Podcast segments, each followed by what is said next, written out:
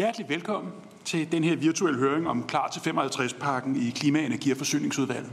Det er godt at se alle sammen. Jeg vil gerne byde velkommen til vores oplægsholdere og til medlemmerne af Europaudvalget og Transportudvalget og Boligudvalget, de danske medlemmer af Europaparlamentet og til alle jer, der følger med på nettet eller på tv. Jeg er glad for, at vores oplægsholdere har haft mulighed for at deltage, på trods af, at vi blev nødt til at flytte høringen en time på grund af noget parlamentarisk bøvl nede i salen. Jeg hedder Rasmus Helve Petersen, jeg er formand for Klima-, Energi- og Forsyningsudvalget, og jeg skal lede os gennem dagens høring, forhåbentlig tørskoet. Europakommissionen de præsenterede den 14. juli sidste år klar til 55-pakken, og den sætter altså retningen for, hvordan vi i EU kan reducere CO2-udledningen med mindst 55 procent frem mod 2030, sammenlignet med udledningerne i 90. Og pakken den vil få betydning for rigtig mange områder. Det er jo energi og transport, offentlig bygningsrenovering, international handel, landbrug, skove, beskatning og sociale forhold. Vi har til høring udvalgt nogle af forslagene og emnerne, som vil være omdrejningspunktet for denne høring, men det er så bredt, så vi selvfølgelig ikke når alt. Formålet med denne høring det er at få nogle input og nogle pejlemærker for, hvilken betydning klar til 55-pakken kan få for Danmark og omvendt. På den baggrund der kan Klima-, Energi- og Forsyningsudvalget og medlemmerne vurdere, hvordan vi vil gå videre herfra. Jeg har et par opfordringer til oplægsholderne og udvalgsmedlemmerne og medlemmerne af parlamentet, så vi kan sikre en smidig afvikling af høringen, som bliver sendt på Folketingets TV. Af hensyn til lydkvaliteten i tv-optagelserne, så skal I tænde for mikrofonen, når I får ordet, og slukke den igen, når I er færdige med at tale. Jeg vil også gerne bede om at have kameraet tændt, når I har fået ordet. Kameraet kan også sagtens være tændt, hvis I ikke har ordet, men bare vær opmærksom på, at så bliver I muligvis fanget på tv en gang imellem. Når I ønsker at få ordet, så skal I skrive et X i chatten. I skal ikke trykke på knappen Ræk hånden op så er det lettere at sikre, at I får ordet i den rigtige rækkefølge. I får en tilbagemelding i chatten, når I er noteret på min talerliste.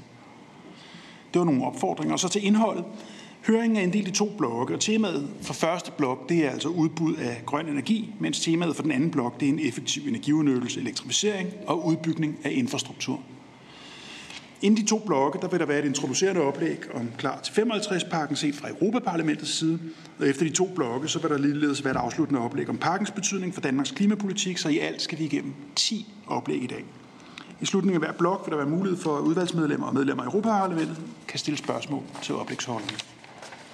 Midtvejs der holder vi en lille pause på cirka 10 minutter, og jeg er sikker på, at det her det bliver rigtig spændende og udbytterige timer med det program, vi har foran os, så lad os tage hul på det. Og øh, første punkt, der vil jeg altså starte med at give ordet til min bror, Morten Helve Petersen, som er medlem af Europaparlamentet, og som jeg altså kender ganske godt. Det er ikke derfor, han er inviteret. Han er altså også øh, næstformand i Europaparlamentets udvalg for industri, forskning og energi, og endda nylig genvalgt, kan jeg forstå, og tillykke med det.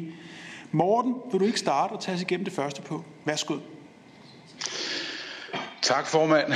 Tak, høje formand, og tak for øh, introduktionen her, og, og Øh, og, og, og tak for at tage det her initiativ, øh, som jeg synes er aldeles øh, fortrinligt, fordi øh, der er brug for alt det samarbejde, vi kan, kan mønstre her i, i, i den her fase, vi, vi er på vej ind. Altså de næste to og et halvt år bliver virkelig meget, meget intense i, i Europaparlamentet med alt det, der, der er på bordet nu. Så det at få indtryk fra altså interessenter i, i, i Folketinget og hele den danske ressourcebase er utrolig nyttigt, og, og, og det synes jeg, der er alt muligt grund til at kvittere for først og fremmest det initiativ, fordi jeg synes virkelig, der er nogle muligheder og perspektiver i det her med endnu stærkere og tættere samarbejde, og, og lad os prøve at, at se, hvad, øh, hvad vi kan gøre øh, for det.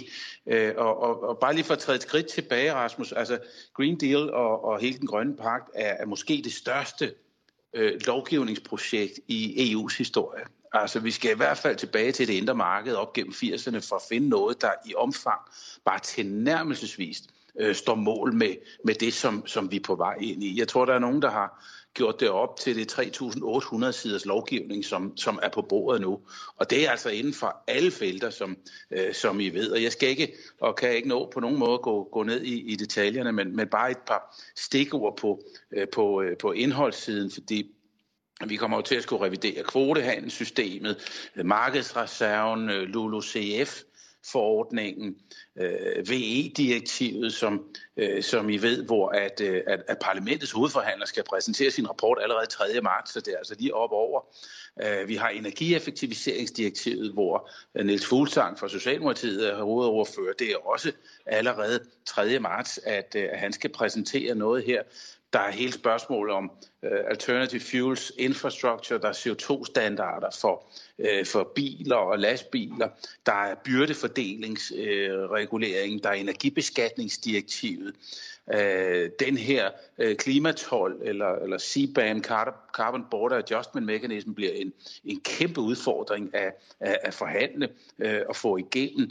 Øh, og vi kender også til udfordringerne i forhold til luftfarten og ETS'en der, og det, det maritime i øvrigt. Der er en social fond, en klimafond, der skal øh, lette transitionen og overgangen, ikke mindst for nogle af de områder og regioner og borgere, som er mest udsat som følge af, af, af omstillingen her. Og der er hele spørgsmålet om, om brændsler i, i, øh, i flytrafikken og også og i det maritime område. Og dertil kommer så her for nylig også et, et bygningsdirektiv, som øh, ja, Ben Benson jo i hvert fald kender alt til, i hvert fald den tidligere version af det, der skal vi til at, at, og, og, og lave en ny øh, runde på det. Øh, der kommer også øh, en masse ting på gasområdet, indre marked for gas og hydrogen, som, som netop er, er præsenteret også, og, og, og også hele metandiskussionen. Så alt det er for at sige, at, at det er en, en helt vild omfattende dagsorden, som, øh, som, øh, som er på bordet øh, nu. Og, og når vi er igennem det forløb om, om to, to og et halvt år, jamen så vil Europa som kontinent være, kontinent være det kontinent i verden, der vil have den mest omfattende og ambitiøse regulering på, øh, på det grønne område. Og et af de spørgsmål, jeg synes i øvrigt, der er interessant også at belyse, det er jo det her, som, som nogle forskere kalder Bruxelles-effekten. Altså, i hvilket omfang vil de standarder, vi sætter over de næste par år sætte sig globalt også, fordi det er klart, det er jo noget, der har kolossal interesse for danske virksomheder og, øh, og, og dem, der er førende på, på nogle af de her øh, områder. Så der er altså også en, tror jeg, utrolig vigtig dimension i forhold til de industrielle perspektiver i det her, når vi nu engang kommer igennem øh, alt det her, øh, vi, øh, vi, vi skal igennem. Og så vil jeg sige, at, at vi er jo nu i den fase, hvor alle de her lovforslag øh, har jo forladt kommissionen og ligger nu på bordet i parlamentet. Øh, og det vil sige, det er nu, at, at Europaparlamentet kommer på banen her. Det er nu, hvor alle de forskellige politiske grupper skal finde deres fodslag, hvad er drønvanskeligt givet, at der er forskellige geografiske hensyn, kulturelle, øh, socioøkonomiske og, og hvad vi vil. Men pointen er, at det er ret vigtigt at være orienteret om, eller orientere sig i, hvad det er, der sker i Europaparlamentet her de næste to og et halvt år, fordi vi går nu ind i den fase, hvor vi skal sidde i de her øh, trialoger, som Øh, er noget, fanden har skabt, altså hvor, hvor parlamentet sidder og, og forhandler med ministerråd og, og med kommissionen som honest broker, som øh, de, de formodes at være i, i, i den her sammenhæng. Og vi plejer jo at sige, at parlamentet plejer at være øh, lidt mere grøn eller grønnere end, end kommissionen og, og rådet. Det har der også været hidtil i de første to og et halvt år af den her periode, men det er stadigvæk lidt uklart, hvor de forskellige flertal ligger i Europaparlamentet. Så det her blot være en opfordring til, at man orienterer sig i det, fordi det er her, det kommer til at foregå meget af spillet over de næste par år. Og det, det som jeg oplever, som jeg tror mine kolleger i Europaparlamentet også opleve, det er altså de her stigende energipriser over de sidste par måneder giver en utrolig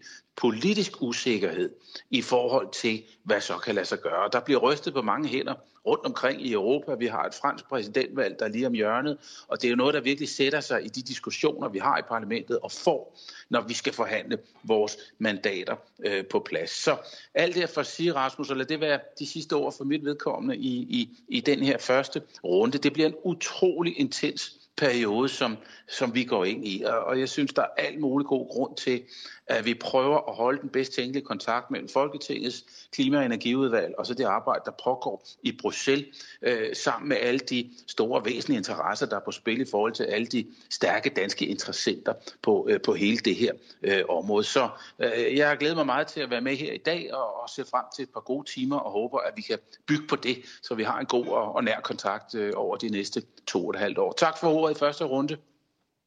Tak skal du have, Morten. Spændende og en god opsummering af, hvor stor en ting det er, der er i gang her, både i forhold til det europæiske, men selvfølgelig også i forhold til, hvor meget vi skal igennem for at redde klimaet. Vi går i gang med den første blok, og øh, den skal handle om udbud af grøn energi. Og det øh, vil Anders Storke, som er viceadministrerende direktør i Dansk Energi, gerne hjælpe os med. Anders, vil du ikke øh, tage ordet og komme med dit oplæg nu?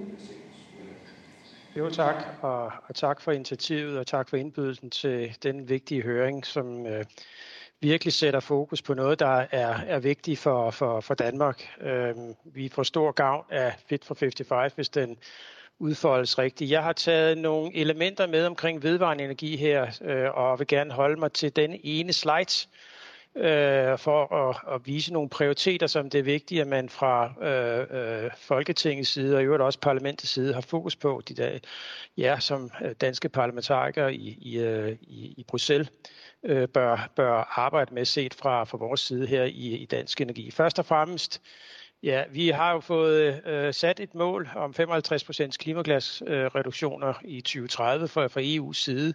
Og der er det jo så vigtigt, at vi har et VE-mål, der faktisk øh, også støtter op omkring øh, de 55 procent. Og kigger vi ind i fremtiden øh, for at nå de 55 procent, så skal vi jo have en ganske omfattende elektrificering og brug af, af grøn strøm, og det forudsætter jo faktisk øh, rigtig meget øh, vedvarende energi. Vi skal bruge den grønne strøm i industrien, i transporten, øh, i, i bygninger, og de steder, hvor vi ikke kan direkte elektrificere, jamen der skal vi så producere grønne brændsler, og det kræver også en ganske betydelig mængde øh, grøn strøm. Og faktisk er det sådan, at de 40 procent øh, VE-mål, jamen det harmonerer ikke med de 55 procent. Så det første, den første opfordring, det er en fortsat kamp for at få hævet de 40 procent, i hvert fald til 45 procent, så det stemmer overens.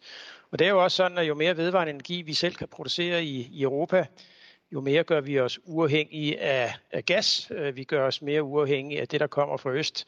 Og den givende situation, vi er i lige nu, det understreger bare behovet for at kæmpe for en, en højere øh, andel vedvarende energi. Kigger vi på øh, klimakrisen, så er det jo en todel krise, som øh, den går hånd i hånd med biodiversitetskrisen. Vi kan ikke løse klimakrisen uden samtidig have fokus på øh, på øh, biodiversitet og løse øh, øh, den krise, der er på det område. Øh, og det skal vi jo bruge øh, øh, øh blandt andet VE-direktivet og Fit for 55 til at få de to ting til at, at løses i, i, øh, i sammenhæng, i, i en symbiose. Øh, så når vi stiller vedvarende energi op, jamen, så skal der tages hensyn til, til biodiversiteten. Der skal være en koeksistens øh, på det område, og der er jo initiativer på vej i Danmark omkring det, for at vise, at det faktisk kan lade sig gøre øh, som, så det er rigtig, øh, hvor det er rigtig vigtigt, at, at vedvarende energi ser i, sker i sammenklang med, at vi løser øh, biodiversitetskrisen. Og kigger vi på, hvordan vi blandt andet kan bidrage til det her, jamen når kigger ud på havet, hvor vi skal have meget mere havvind, øh, så, så er der mulighed for i de maritime planer faktisk at give plads øh, til både øh, havområder, til, til havvindmølleparker og naturparker. Den mulighed må vi ikke gå, lade gå fra os, altså de Øh, øh, maritime planer, de enkelte lande skal lave, skal tage de her prioriteter øh, fremadrettet. Så har vi også, når vi kigger øh, på, på vedvarende energi, en række godkendelsesprocesser i de enkelte lande, som øh, jo kan være nogle store stopklodser for, øh, eller barriere for udbygningen med vedvarende energi. Det er jo sådan, at sådan nogle processer øh, kan faktisk tage helt op til, til 10 år, og det siger sig selv, at vi står lige om lidt, så er det 2030, øh, og og 10 år er jo alt for lang tid i, i den her sammenhæng. Der er simpelthen behov for, at man fra EU's side i den her sammenhæng får sat fokus på at strømligne godkendelsesprocesserne, og så i øvrigt også få dem harmoniseret på tværs af landene. Øh, dem, der stiller vind op rundt omkring, dem, der stiller sol op, anden vedvarende energi, jamen de er jo internationale, de agerer på tværs af, af grænser. Øh, så derfor en harmonisering vil være meget velkommen. Til sidst, så vil jeg øh, hive en pointe op omkring øh, grøn brint, som jo øh, indledningsvis jeg sagde var er behov. Altså de steder, man ikke kan direkte elektrificere, så skal vi bruge øh, grønne brændsler. Øhm, og der ligger altså nogle, nogle kriterier her, som i, øh, øh, i, i, i VE-direktivet og i, i den, øh, den retsaks, der, der følger med, omkring øh, samtidighed mellem i driftsættelse af VE-anlæg og, og brintproduktion. Øhm, en 12-måneders grænse, det er bare, bare sådan, at, øh, at øh, V-anlæg og brintanlæg, det tager forskellige, øh, det tager, øh, øh, kan tage længere tid at stille VE-anlæg op end, en, en elektrolysanlæg.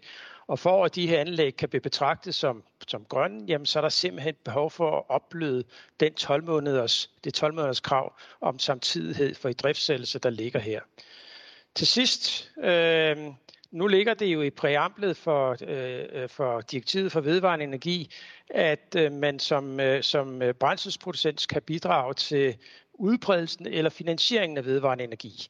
Og der forekommer det underligt, at der ligger en, når, lige præcis når man siger finansiering af vedvarende energi, som vi skal op, øh, så underligt, at man, når man henter el fra elnettet til et, øh, et øh, øh, øh elektrolyseanlæg, der producerer øh, øh, eksempelvis sprint, jamen at man så øh, ikke kan hen, øh, lave, lave aftaler, altså PPA'er med vedvarende energi, som, øh, som øh, også får støtte, fordi det i præamblet præcis står, at man også skal bidrage til finansieringen af vedvarende energi. Så den skal også blødes op for, ligesom, at vi kan få en udbredelse af vedvarende energi i samspil med brintanlæg.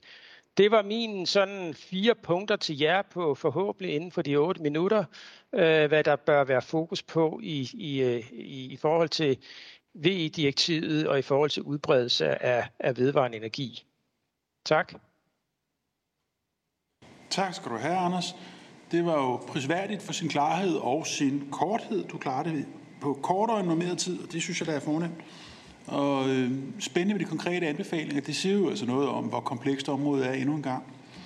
Jeg vil øh, give plads til den næste taler med det samme, så tager vi spørgsmål, når vi lige er færdige med første blok.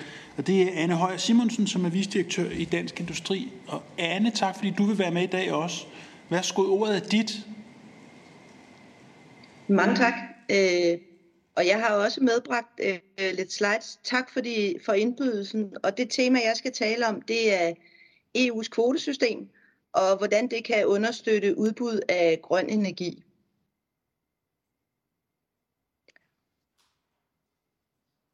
Og øh, den vigtigste pointe her, det er omkring kvotesystemet, at det rent faktisk skaber reduktioner.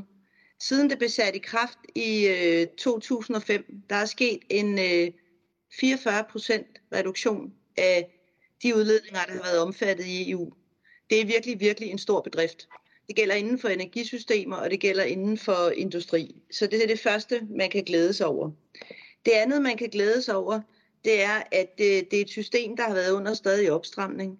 Der bliver taget kvoter ud af systemet hvert år, 2,2 procent indtil nu, og et forslag med 4 procent årligt, som vi bakker op om. Det er utrolig vigtigt, at systemet er skarpt, og man kan se for sig, at man hele tiden har hånden på det.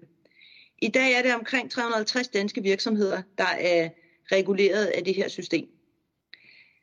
Hvad er det så, det kan?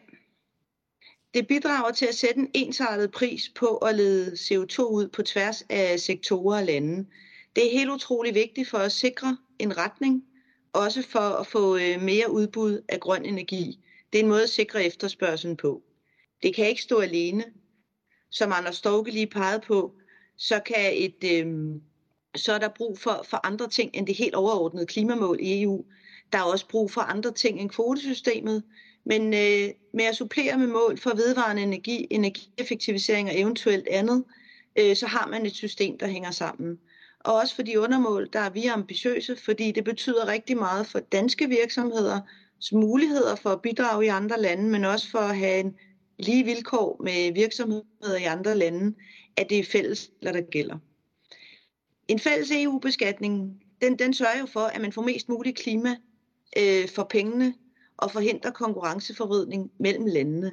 Det er en rigtig vigtig pointe, øh, når man skal regulere et så stort område og marked som det europæiske. Og det er en fordel især, når man er et lille land, at der er fælles spilleregler for det. Det sikrer også, at, øh, at øh, virksomheder over hele EU betaler for CO2-udledning, at man ikke er afhængig af nationale løsninger – og også at der er en stadig tilskyndelse til at sænke øh, CO2-udledningerne og investere i klimaet. Og det er en utrolig vigtig grøn driver, også for den danske hjemmebane. Det kan være skift til klimavenlige brændsler, elektrificering, energieffektivisering osv.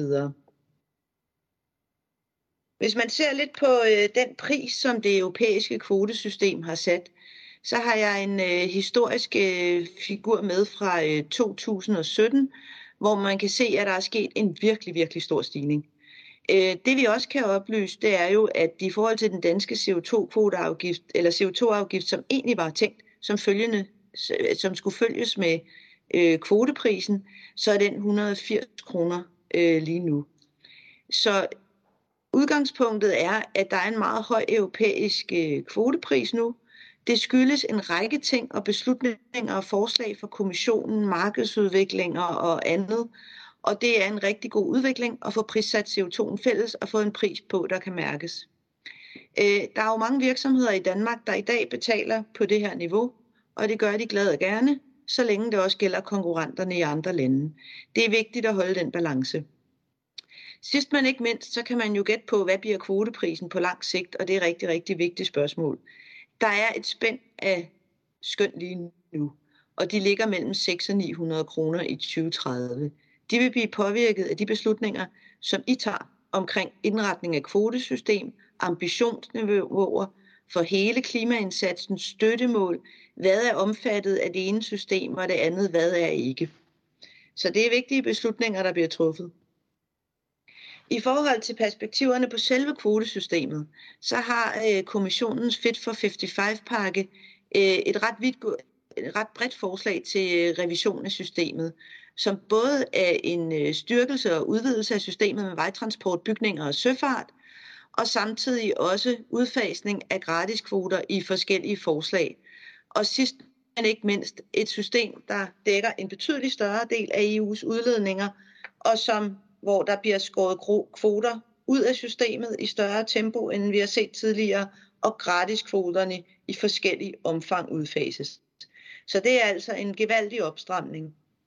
Det bakker vi op om øh, fra Dansk Industri og virksomhedernes side, fordi det er en fælles ramme. Det, der er helt utrolig vigtigt i håndteringen af det her, det er, at man ikke ødelægger det gode, man har. Vi har et kvotesystem, der virker. Vi skal have bygget nye sektorer ind i det, vi skal have bygget det sammen med den nye klimatol, CBAM, øh, Carbon Border Adjustment Mechanism. De ting skal passe sammen, og udfasning osv. Og, og det kan godt lade sig gøre. Så hvis jeg skal sige, hvad det er for en bold, de skal holde øjnene på, så er det det. Vi skal holde fast i det bedste, og så skal vi stramme op, uden at vi smider barnet ud med badevandet. Det vil være helt afgørende.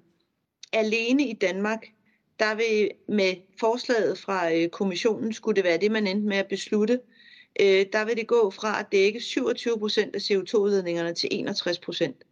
Øh, og det vil, det vil være en stor forandring. Der er mange, der er mange øh, djævler i detaljerne her, dem vil jeg ikke gå ind i, men princippet må være, at det er et helt grundlæggende del af EU's klimapolitik af kvotesystemet.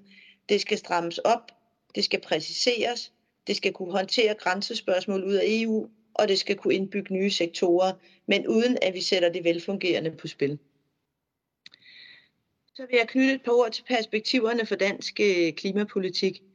Det er jo sådan, at i klimaloven, der er alle partier enige om, at Danmark skal være et foregangsland. Og i det mener vi også, at det skal være det bedste at drive grøn virksomhed i.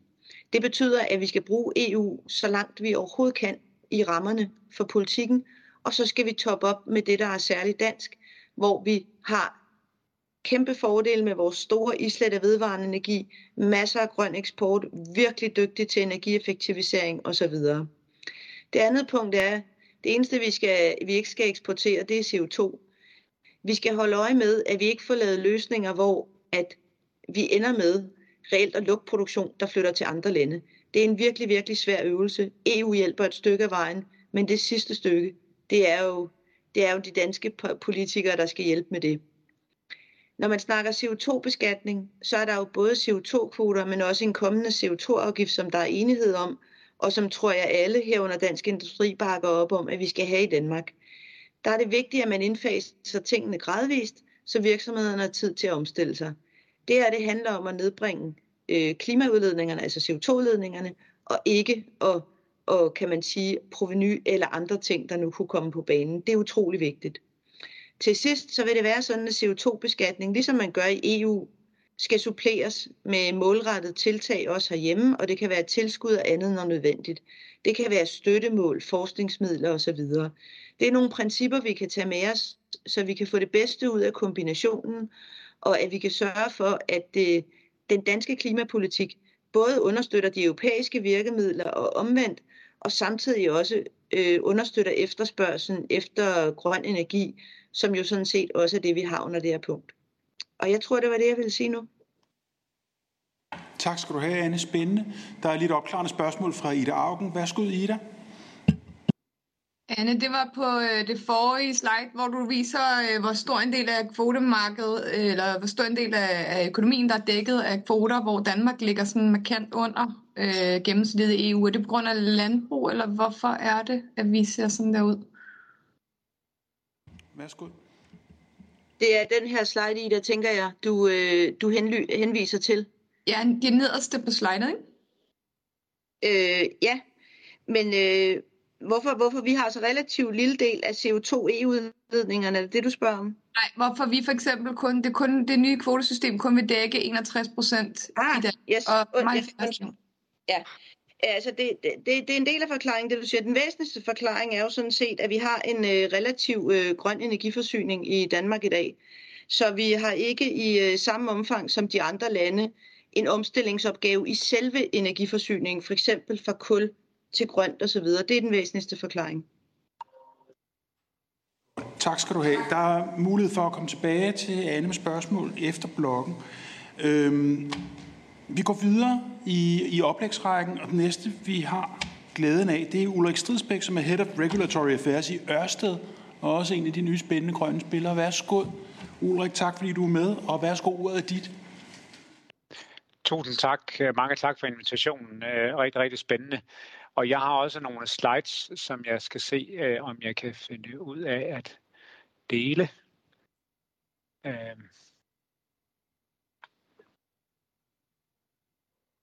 Kan I se dem nu? Et lille nik. Ikke endnu. Ja. Ikke endnu. De er, de er nået til Morten, men ikke... Ikke til mig. Morten, aflever. Ikke til Rasmus.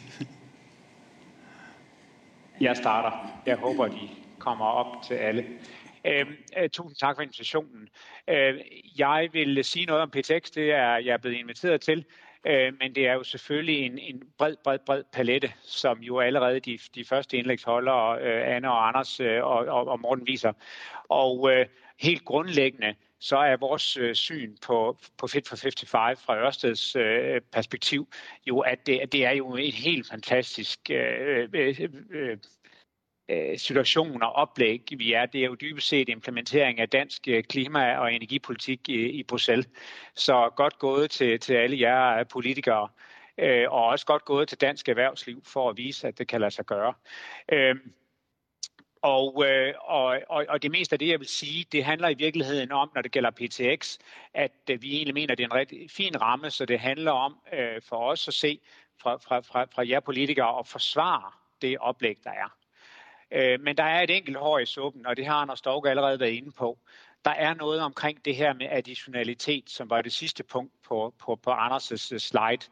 Øh, det kommer jeg ikke videre ind på, men der er noget omkring øh, additionalitet, der gør, at, at vi, skal også, vi skal også sørge for, at vi faktisk får implementeret noget, som øh, øh, selvfølgelig er skrevet med den bedste hensigt, men som også kan føres ud i livet på en, på en fornuftig måde. Og der er det første oplæg, det er simpelthen for stramt, øh, som Anders også øh, var inde på. Men, men øh, i forhold til, øh, til, til det, jeg vil sige, øh, for det første, øh, så øh, bare kom med den pointe. Her kan I se det, vi har gang i som virksomhed lige nu øh, rundt omkring i Europa at, øh, at øh, det her det er et eller andet sted et billede af først og fremmest, at PTX det handler om øh, partnerskaber. Det, det kan kun lade sig gøre i, i brede og dybe partnerskaber, også på tværs af landegrænser. Det handler i høj grad om at få sikret øh, skala, så vi kan få reduceret øh, omkostningerne. Og så vil I også se, når I kigger ned over listen her, at det er alle mulige typer af partnerskaber og, og det, er, det, er, det er brint og, og grønne brændsler til alle mulige forskellige øh, slags anvendelser. Og jeg tror, at det her det er et meget godt billede af, hvordan vi øh, fra, fra erhvervslivets side, både øh, producenter og brugere, øh, skal se på det her og vil se på det her. Så det, det her det er virkelig sektorkobling, der, der har fanget arme øh, rigtig, rigtig meget øh, på tværs. Og, øh, og det, der er øh, øh en, en, en, en fantastisk vigtig ting, som er indholdt i øh, Fit for 55 i, i, i, i, i, oplægget, det er, at øh, kommissionen øh, har indset, at det ikke er nok at tale om produktionen af de her grønne brændsler. Man er også nødt til at tale om, og det i virkeligheden er, er der vigtigst at tale om, forbrugen af de her grønne brændsler. Fordi det må jo være sådan i den sidste ende, at når når herre og fru Hansen skal flyve fra København til Rom på ferie, så er det jo ikke øh, øh, skattebetalerne eller, eller, eller, eller andre, der skal, der skal finansiere, at det, at det fly det skal være grønt. Det må jo være, det må jo være dem, der, dem, der, der øh, vil, være på ferie. Så der skal skabes nogle krav og incitamenter og instrumenter, der sikrer, at den der betalingsstrøm, den går fra de rigtige til de rigtige. Så det her med, at man skaber et marked både øh, i i, øh, i, i, fly og i skibe og i industrien, det er for os at se et sindssygt vigtigt øh, skridt. Det er nogle meget, meget små tal til at starte med, Øh, det kan godt være, at de tal er, er, er, er for lave, men jeg kan godt forstå, at de er lave, fordi vi skal jo også lige finde løsningerne først. Øh, for os at se, at det ikke så meget øh, øh, tallenes størrelse, der er afgørende. Det, det afgørende er, at det her det skal komme til at trigge en start på den her industri. Så sindssygt vigtigt at forsvare den her tankegang om at skabe øh, et marked øh, i vores perspektiv.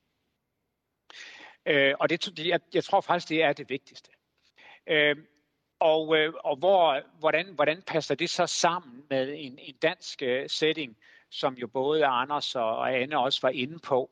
Altså, vi har jo nogle, nogle, nogle, nogle vanvittige styrkepositioner, øh, øh, og, øh, øh, og, og, og det er jo noget, som øh, er rigtig, rigtig godt for klimaet, øh, og det er rigtig godt for, øh, for Danmark. Øh, men øh, at vi lykkes det bliver jo også en forudsætning for, at Europa lykkes. Fordi vi har faktisk så store VE-ressourcer, at uden dem, så kommer EU ikke til at lykkes. Så det, det, det er på tværs af landegrænser. Men altså, vi, vi har jo først og fremmest gået foran med selv at sætte øh, klimamålene øh, for os som, som nation. Vi har VE-ressourcerne, vi har teknologier, forskningsmiljøer og virksomheder, der har demonstreret, at de kan levere varen. Øh, vi har også på transportsektoren nogle af de aller, aller største øh, øh, virksomheder i verden øh, inden for logistik, som jo er vanvittigt afhængige af, at det her det lykkes. Også for, at de kan bevare deres konkurrencedygtighed. De har kunder, som vil have grøn transport øh, dybest set. Og så, øh, og så ligger vi et sted, hvor vores, øh, vores nabolande øh, også rigtig gerne vil købe øh, de her grønne øh, produkter. Og endelig har vi adgang til bæredygtig CO2, et kæmpestort tema i sig selv, som jeg ikke tænker, vi går øh, mere ind i her, men det er jo også noget, som I i jeres kreds øh, interesserer øh, jer rigtig meget for.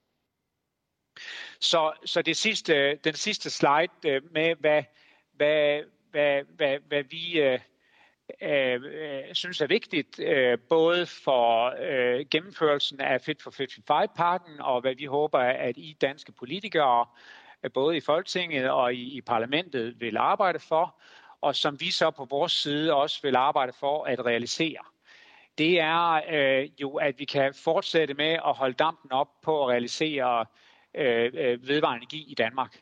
Øh, meget svært, men, øh, men øh, her har vi jo en, en rigtig godt øh, udgangspunkt, og der bliver truffet øh, beslutninger i relativt øh, stor øh, hastighed. Så, så her skal vi holde skruen i vandet.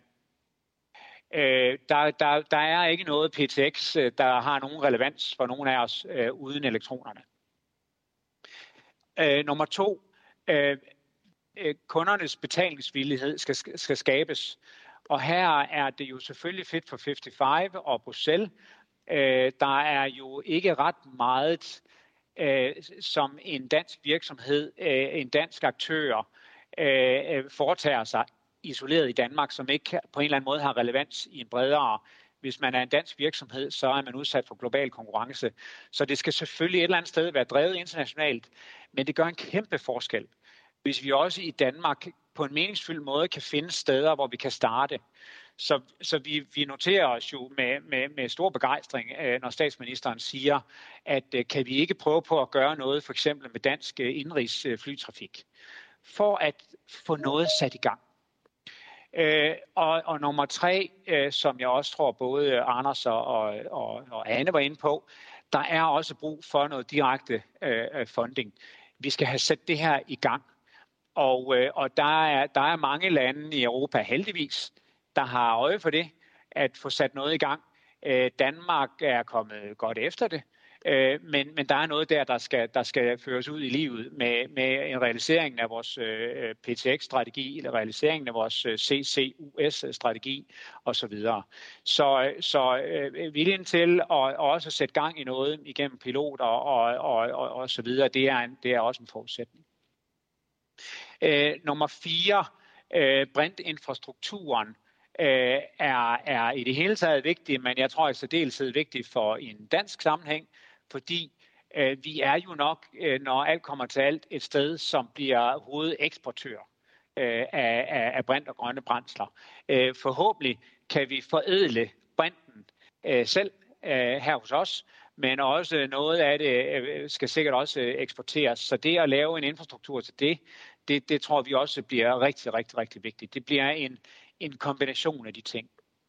Og så endeligt til sidst, øh, noget som, øh, som, som øh, der allerede er spor af i Fit for 55, men som der skal trækkes, øh, som, som kommer til at kræve kæmpe arbejde, øh, både, både nationalt og i Bruxelles, det er, at vi får styr på definitioner og, og, og, og, og transparens og certificering det er klart, det er en torn i øjet for os øh, danskere, både os virksomheder og jer politikere, at der var det her ryderi med, at så skal øh, naturgas lige pludselig øh, gøre, være grønt i taksonomien og sådan noget.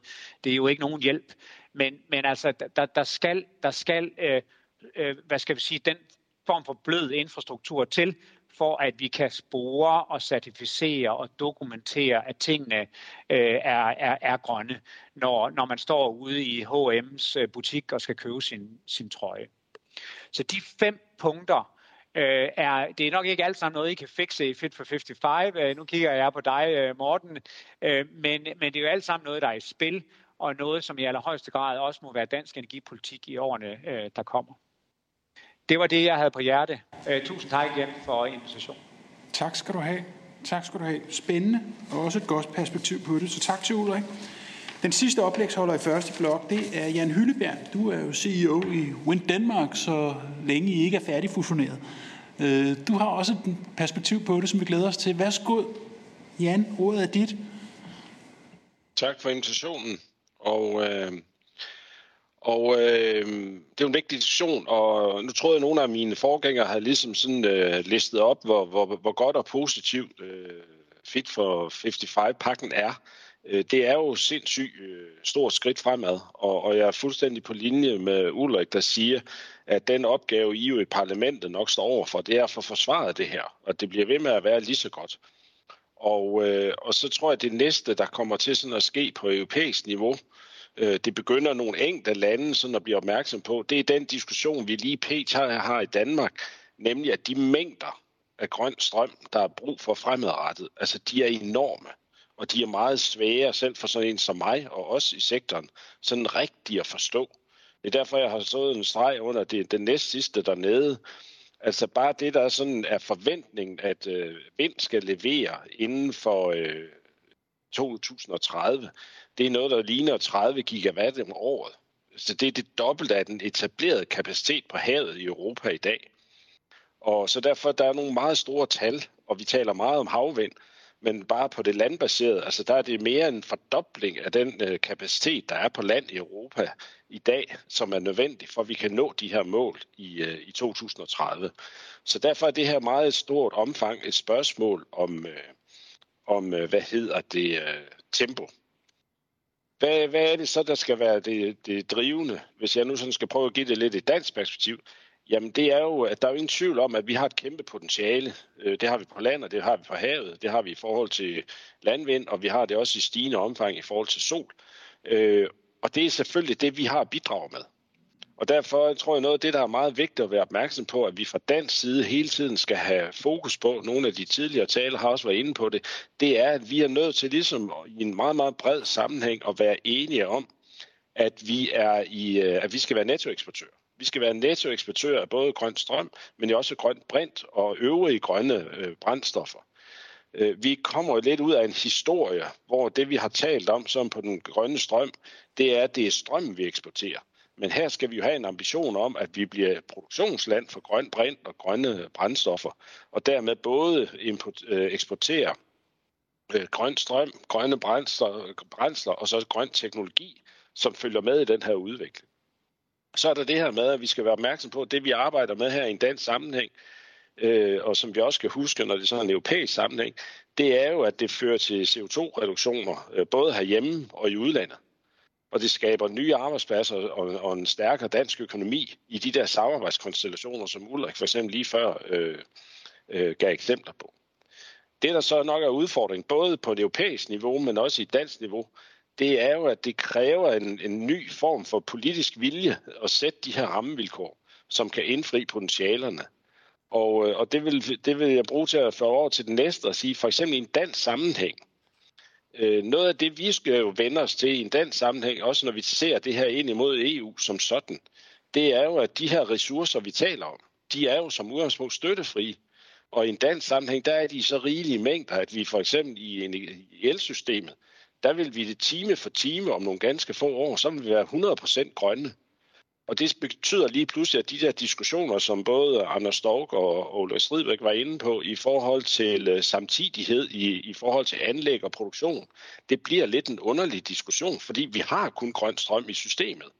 Så, så, så det der med certificering og dokumentation, som, som Ulrik var inde på lige før, det, det, bliver, det er meget, meget vigtigt i en stor og større europæisk diskussion, men det bliver hurtigt en, en rolle, hvor Danmark får en position, eller en opgave, hvor Danmark får en position om, at vi jo kommer fra et sted, hvor alt det, vi kommer med, er som udgangspunkt grønt, når vi kommer over fra elsiden.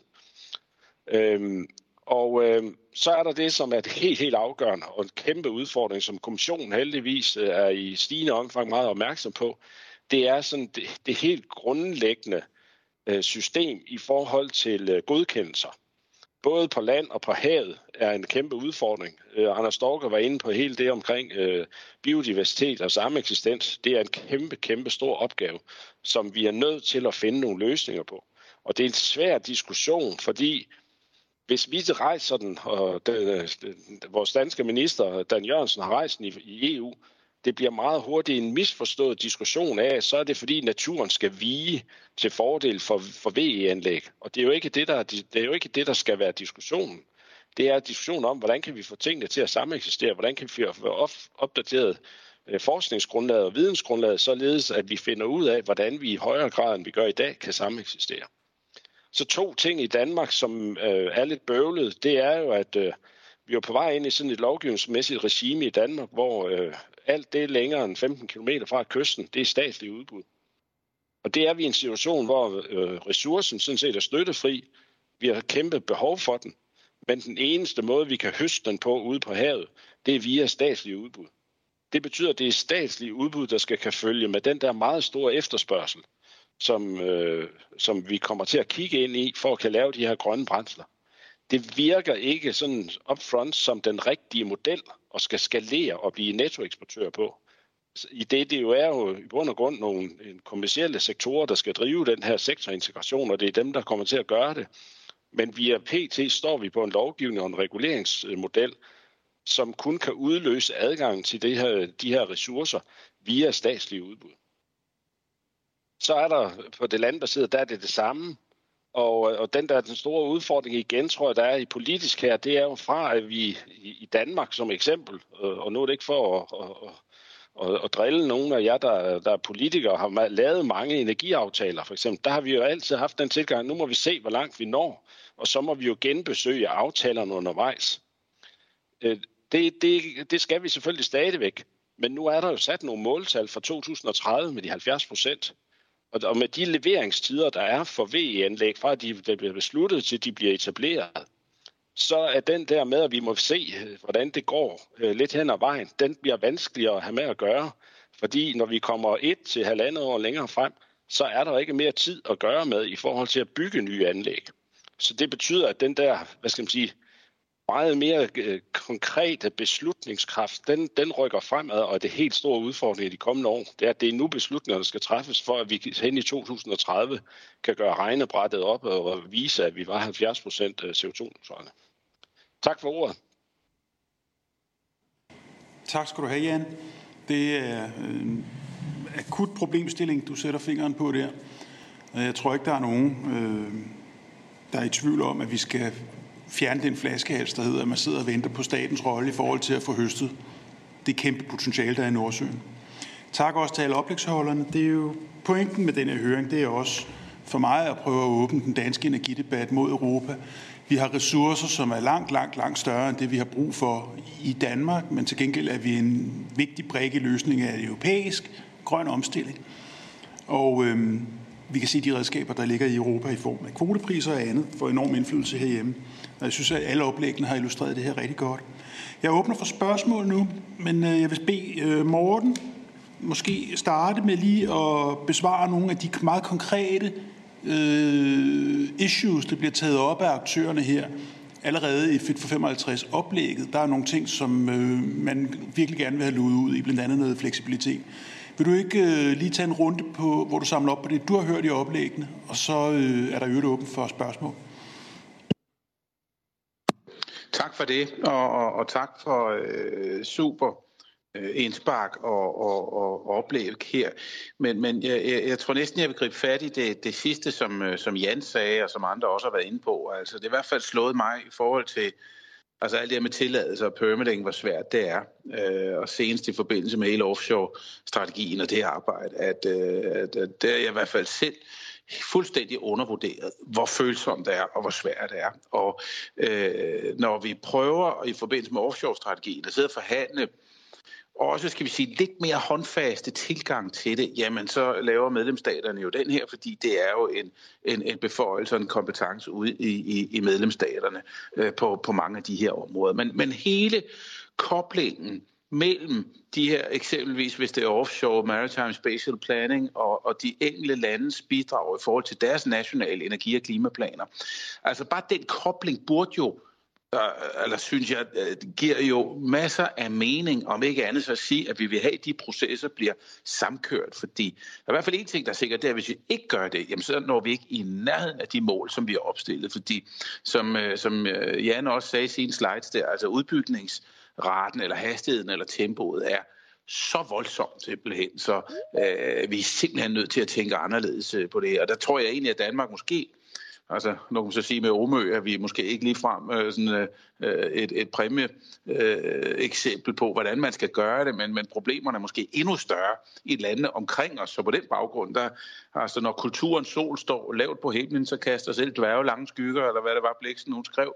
Øh, og, og, og jeg tror et eller andet sted med vores tilgang og tradition for at, at, at, at, at være gode til sådan set at tale sammen, at, at der kunne jeg se for mig, at, at det var noget, man kunne dyrke yderligere fra dansk side. Altså, hvordan kan man bringe interessenter sammen i forhold til biodiversitet og naturbeskyttelse, og så øh, de ting, der rent faktisk øh, skal ske. Læg mærke til i det nye tyske regeringsgrundlag, hvor man jo rask væk sætter 2% af landarealet af til, til VE på land.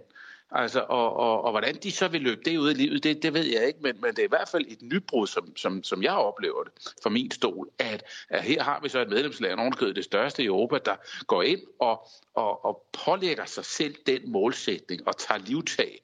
Øh, og det, det er da også på høj tid, fordi i Tyskland kan du ikke sætte en spade i jorden, uden der er 27 instanser, du kan klage til.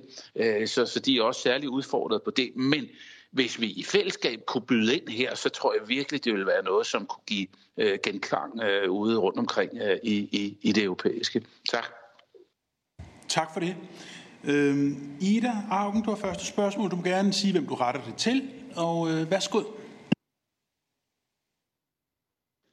Tak. Jeg har øh, øh, to spørgsmål. Det ene, det er en forlængelse af en lille øh, udveksling på øh, skrift, jeg havde med Morten øh, Øh, om, øh, om øh, Carbon Border Adjustment Mechanism. Hvis der er nogen af, der, nogen af jer andre, der vil sige noget til det, så vil jeg også gerne høre det. Men det Morten og jeg har diskuteret, øh, det er, hvad vi får problemer med WTO. Altså, og hvor meget øh, kommissionen lader sig påvirke af det. Fordi jeg synes sådan set, der er ret gode argumenter for, at når man har pålægger sin egen øh, virksomheder en, øh, en beskatning, så er det også fair nok at sige, at dem, der vil eksportere i ens marked, det kan jeg simpelthen ikke se er, er konkurrenceforvridende eller teknisk handelshindring. Men hvis der er nogen af jer andre, der kender til den diskussion, øh, Morten kan også sige lidt om det, jeg synes, det er nogle meget gode pointer, du havde, Morten, øh, også i forhold til, hvordan USA og Kina reagerer, om de vil gøre, øh, ligesom de gjorde med GDPR, være imod, men så måske se, at deres virksomheder bliver nødt til at leve op til det. Det, du kaldte den Bruxelles-effekten, tror jeg. Bare gerne lige høre dig lige komme med et par overvejelser, hvis nogen af jer andre ved noget om det. Og så sådan et meget øh, konkret spørgsmål til Jan. Nu har jeg ikke siddet de sidste tid med, med helt konkrete energiforhandlinger. Der har jeg ikke været med, men som jeg husker det, var det Lars Christian, ikke, der fjernede åben dør-ordningen uden for 15 kilometer, ikke? Var det ikke sådan, det var? Jeg skal bare høre, hvordan forestiller man sig, at at man bare kunne gøre det frit for markedet, at man bare kan bygge til havs. Hvor skal det strøm komme ind henne? Hvem skal være klar til at tage imod det? Hvem skal stå på mål for de kabler, der skal bygges, der skal bygges i forhold til befolkningen? Altså det er bare sådan nogle helt praktiske spørgsmål, jeg vil sidde med i den anden ende, i forhold til det, vi også diskuterer med politisk opbakning og politisk vilje til, når det faktisk kommer i land for fuld gardin.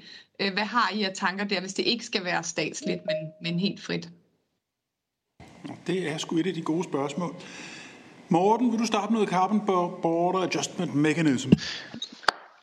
Ja, det vil jeg gerne. Øhm, og, og, og jeg tror, bekymringen i, i Bruxelles og omegn i høj grad går på, at, at, øh, at, at man, tror jeg, har haft en forhåbning om at få kunne få kineserne og amerikanerne i tale på det her. Således er man dybest set slap for at gøre det. Altså kunne vi blive enige med de store samhandelspartnere om en eller anden tilsvarende tilgang til det i forhold til at undgå udflagning af, af, af produktion og arbejdspladser i, de, i det øjeblik, at vi hæver kvoterne, kvotepriserne, jamen så vil alle jo være glade. Øh, problemet er bare, at der ser ikke ud til at være stor appetit på det i øjeblikket hos hverken kineser og amerikanere. For amerikanernes vedkommende, der er det jo et stort åbent spørgsmål, desværre, om der overhovedet er noget, der kan gennemføres i øjeblikket i kongressen, men det, det, er, det, det er så en helt anden diskussion. Men det korte og lange er så, at som det ser ud i øjeblikket, som jeg hører det, jamen så er der i høj grad lagt op til, at det er et EU-initiativ, man så håber på ned ad vejen kan smitte af, men det bliver en, uh, godt nok en, en, en, en svær fødsel for, uh, for, uh, for det her i øvrigt, synes jeg, velmente og rigtige tilgang til det. Altså selvfølgelig, når vi løfter ambitionerne i Europa, så skal vi uh, sørge for, at, at arbejdspladserne ikke bare flager ud, og, og det er klimaet jo også uh, ret ligeglad med, hvis ikke, at vi, at vi har noget i den retning. Men, men, men der er altså nogen skepsis fra både kinesiske og, og, og, og jeg ved simpelthen ikke, hvad amerikanerne overhovedet kan finde ud af at gennemføre øjeblik. Så vi risikerer, vi risikerer nogle års togtrækkeri i forhold til WTO på, på det her. Det kan godt gå hen og blive ganske besværligt, uagtet at det er en, en, en i øvrigt rigtig øh, idé. Tak. Og Jan, du fik jo så øh, et ganske simpelt spørgsmål om, hvordan gør man egentlig det her, hvis man skal have høstet energi ud af Nordsøen? Og det er jo ikke noget, altså bare et simpelt svar vil være fint. Ja, øh, det skal vi jo finde en øh, ny model for. Øh, Tor-udbud, det, det viste jo, at det i hvert fald var den forkerte måde at gøre det på. Øh, og, øh, og det, som, øh, som jeg tror, vi, skal, vi er nødt til at skal have en snak om, det er, at vi skal i hvert fald over i noget multisite et eller andet. Øh, således, at der er flere arealer, som kommersielle aktører kan hvad skal man sige, arbejde med, øh, eventuelt også byde ind i. Fordi vi er også nødt til at acceptere den risiko, som vi nu har løbet ind i i forhold til for eksempel Hesselø. At øh, der regnede vi med, at vi havde et øh, fint og flot øh, område, som var lige til at gå til, og så viser sig lige pludselig, at der er nogle øh, natur- og miljøudfordringer øh, i det. Øh, samtidig har vi set, at ikke engang Energinet har kunne lave anlæg, som kunne køre igennem, uden at de falder i klagesystem.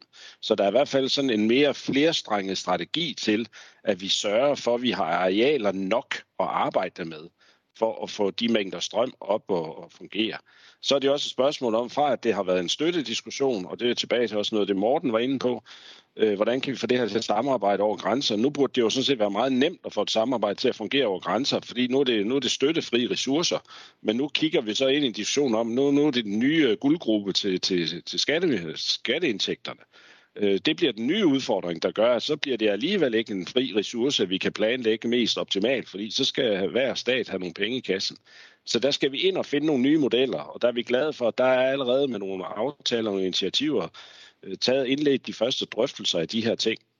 Kort på åben dør, øh, den er blevet ændret lidt, men den, den store katastrofe skete sådan set sidste år, hvor at, øh, den har ikke definitivt været lukket uden for 15 km, men det blev den sidste år. Og øh, nu, nu kan man ikke via åben dør gå længere ud.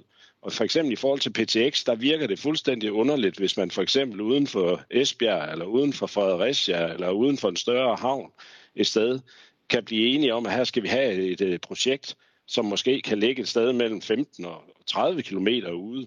Hvorfor skal, man, hvorfor skal det være forbudt ved lov upfront, at det kan man ikke gøre, hvis det er det mest hensigtsmæssige? Så heldigvis fik øh, politikerne lagt en, en kattelem ind i, i åben dørordningen, således at man for eksempel her i forbindelse med PTX-drøftelserne kan genåbne nogle af de der ting, men, men vi har fået et meget restriktivt statsligt styret udbud på alt det, der ligger på havet, og det bliver en udfordring i de kommende år. Tak skal du have. Carsten Kismar, værsgo. Ja, tak. Tak til alle oplægsholderne. Det har været, været god oplæg. Øh, til Jan, der vil jeg godt lige spørge, øh, når du nævner det der med grøn strøm, så er der jo nogle af dem, der skal lave PTX-anlæg, der faktisk siger, at det er en udfordring, at man ikke kan definere, hvordan det er. Og uanset hvor meget grøn strøm vi får den dag, det ikke blæser og solen ikke skinner, så vil vi have noget kulstrøm i, i systemet. Så jeg tror, der er et behov for, at man i EU-systemet kigger lidt på lige den del. Så vil jeg spørge dig, kunne en form for koncession, ligesom vi havde med olieudvinding, hvor man øh, sagde, at man udbød nogle arealer i en form for koncession, hvor nogle af dem, der er villige til at tage en risiko, så kunne tage en risiko på at byde ind på et koncessionsområde, og så have det, og velvidende, at man så måske laver partnerskaber på land, hvor man så laver Power to X, eller hvad det nu skal være. Øh, er det noget, I har tænkt i? Til Morten, der vil jeg sige, planregimet, øh, det, det, det bygger jo på, at, hvordan vi tænkte i gamle dage, hvor vi havde naturbeskyttelse som, som noget, der lå højt, og, og andre aspekter. Er vi ikke der, hvor vi må spørge os selv, at det planregime, vi har, der er vi nødt til at bringe den grønne omstilling op i toppen af, af, af planregimet og sige, at det er noget, vi går efter. Og så skal vi have samme eksistens til at være med de andre ting. Og der ligger for eksempel EU's rødliste, er jo en af udfordringerne i det her, at den faktisk har veto. Der er også andre, der har veto, det vil jeg ikke komme ind på nu. Så vil jeg bare sige, at Tyskland, det kan godt ske, at man ikke kan sætte en spade i noget som helst, men Tyskland er jo eksemplet, i hvert fald Nordtyskland, på, at man har taget alle vindmøllemodeller op i, i en eller anden, og så har man bare hældt dem ud over landskabet. Og det samme gælder med solcellemodeller. Det, det, det, det, det er virkelig noget, der ikke er pænt. Så, så derfor, jeg taler ikke for, at vi bare lukker op, og så siger, at nu kan alle stille alt muligt op på land. Men vi er nødt til på en eller anden måde at bringe den grønne omstilling højere op i hierarkiet. Det var kommentarer og spørgsmål. Tak skal du have. Jeg har lukket talerlisten på den her side af pausen, men øh, der er her stillet spørgsmål til i første omgang Jan og derefter Morten, og så får Anders Stork en kommentar, og så har vi en pause. Så i første omgang, øh, Jan, værsgo. Jamen, øh, som svar til dig, øh, Karsten, Carsten, altså foråret kommer jo til at blive brugt på, at vi skal diskutere med hinanden, hvordan ser nye modeller ud for, for, for havvind i, i særdeleshed. Øh, og, øh, og, og jeg tror, at vi er nødt til at skal starte på sådan en blank tavle, øh, fordi øh, det, det er nemt at, at, at forestille sig en koncessionsmodel. Udfordringen ved koncessionsmodellen er bare nemt den, at den fører meget hurtigt til, at du tømmer kassen for hver en overskydende øh, likviditet, der er i projektet, og så forærer du den til staten. Fordi det er det, du ender med at konkurrere om. Så, så hvor bliver teknologiudviklingen af? Hvor, hvor bliver hensynet til biodiversitet og den slags ting af? Så der tror jeg, at vi skal have et stykke blank papir, og så skal vi prøve at diskutere, hvad er det, vi som land gerne vil være kendt for, også på den model side fremadrettet. Øh, det er nok nogle hybridmodeller, eller hvad det er, men der er en diskussion foran os i forhold til, hvordan gør vi det her klogt, så vi samtidig får udviklet nogle nye øh, samarbejdsmodeller på, på det her område. Godt. Morten, en hurtig tak. kommentar. Ja, tak, og tak til Karsten. Øh, jeg, jeg synes, det er meget for os, det du, sådan, som jeg hører dig, øh, sige, altså i forhold til at, at, at pille lidt ved de øh, balancer. Altså der er en stribe EU-medlemslande, hvor at, at der er så store dele af arealerne, der er udlagt til Natur 2000 øh, beskyttelse, så du reelt ikke kan, altså, eller har meget svært ved at udbygge med, med vedvarende på land, det vil altså sol eller, øh, eller vind. Og, og der er jo nogen, der leger med det her med, om man skal til at gå ind og pille ved, eller lave et omvendt forsigtighedsprincip, om du vil, hvor du øh, netop siger, jamen det er faktisk klimaet, der har den, den højeste prioritet øh, i forhold til at nå 2030-målsætningen. Så øh, det synes jeg i hvert fald er nogle spændende tanker, som er utrolig følsomme. Igen, fordi at mange af beføjelserne ligger jo nationalt på det, men jeg er helt med på at tænke i, øh, i, i, i de baner. Tak for det. Godt, tak for det. Anders, er det en kommentar eller et spørgsmål, du har? Du er i hvert fald, ordet er i hvert fald dit. Nej, det, Ja, det, det er en hurtig kommentar. Øh, I forhold til det her med at skabe plads, der havde jeg jo den her pointe med, som også hænger sammen med dit arbejde, Morten, i forhold til offshore-strategien, som skal jo i plenaren her til, til marts. Altså at skabe plads i de maritime planer til, til offshore-områder, som, så det lægter, vægter lige så meget som eksempelvis militære områder. Altså, de får rigtig meget plads i øh, de maritime planer. Bare sådan en enkelt kommentar. Så i forhold til det at fjerne flaske, altså godkendelsessystemer, altså der ligger jo i V-direktivet, at øh, det er artikel 16, der ligger i hvert fald et mål om, at det er tre år at øh, uh, for godkendelsesperiode, men, men tager man Wind Europes opgørelse, så overskrider man nemt til at komme op på 10 år i godkendelsesperiode. Ikke? Så, så der er en diskrepans her. Så hvorfor ikke gå tilbage og tage, tage det alvorligt, det der står i V-direktivet? Så det var egentlig bare det. Okay. Jeg har lige hørt et seriøst ment spørgsmål til en radikal, om man helst vil have vindmøller eller militær, men Morten, du kan jo prøve at svare på det.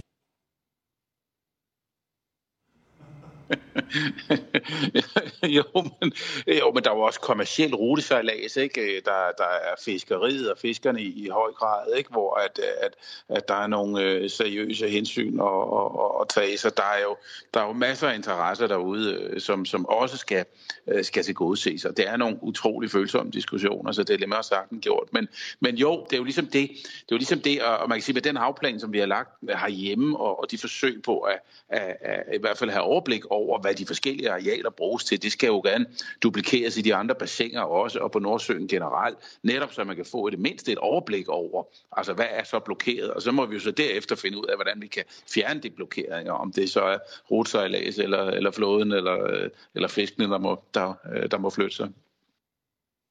Tak for det. Tak for øh, oplæg og svar ja, i den første blok. Vi holder en 10 minutters pause og starter igen 16.10 hvor vi skal høre øh, ja, Knud Pedersen som den første. Vi ses igen om 10 minutter. Tak for første blok.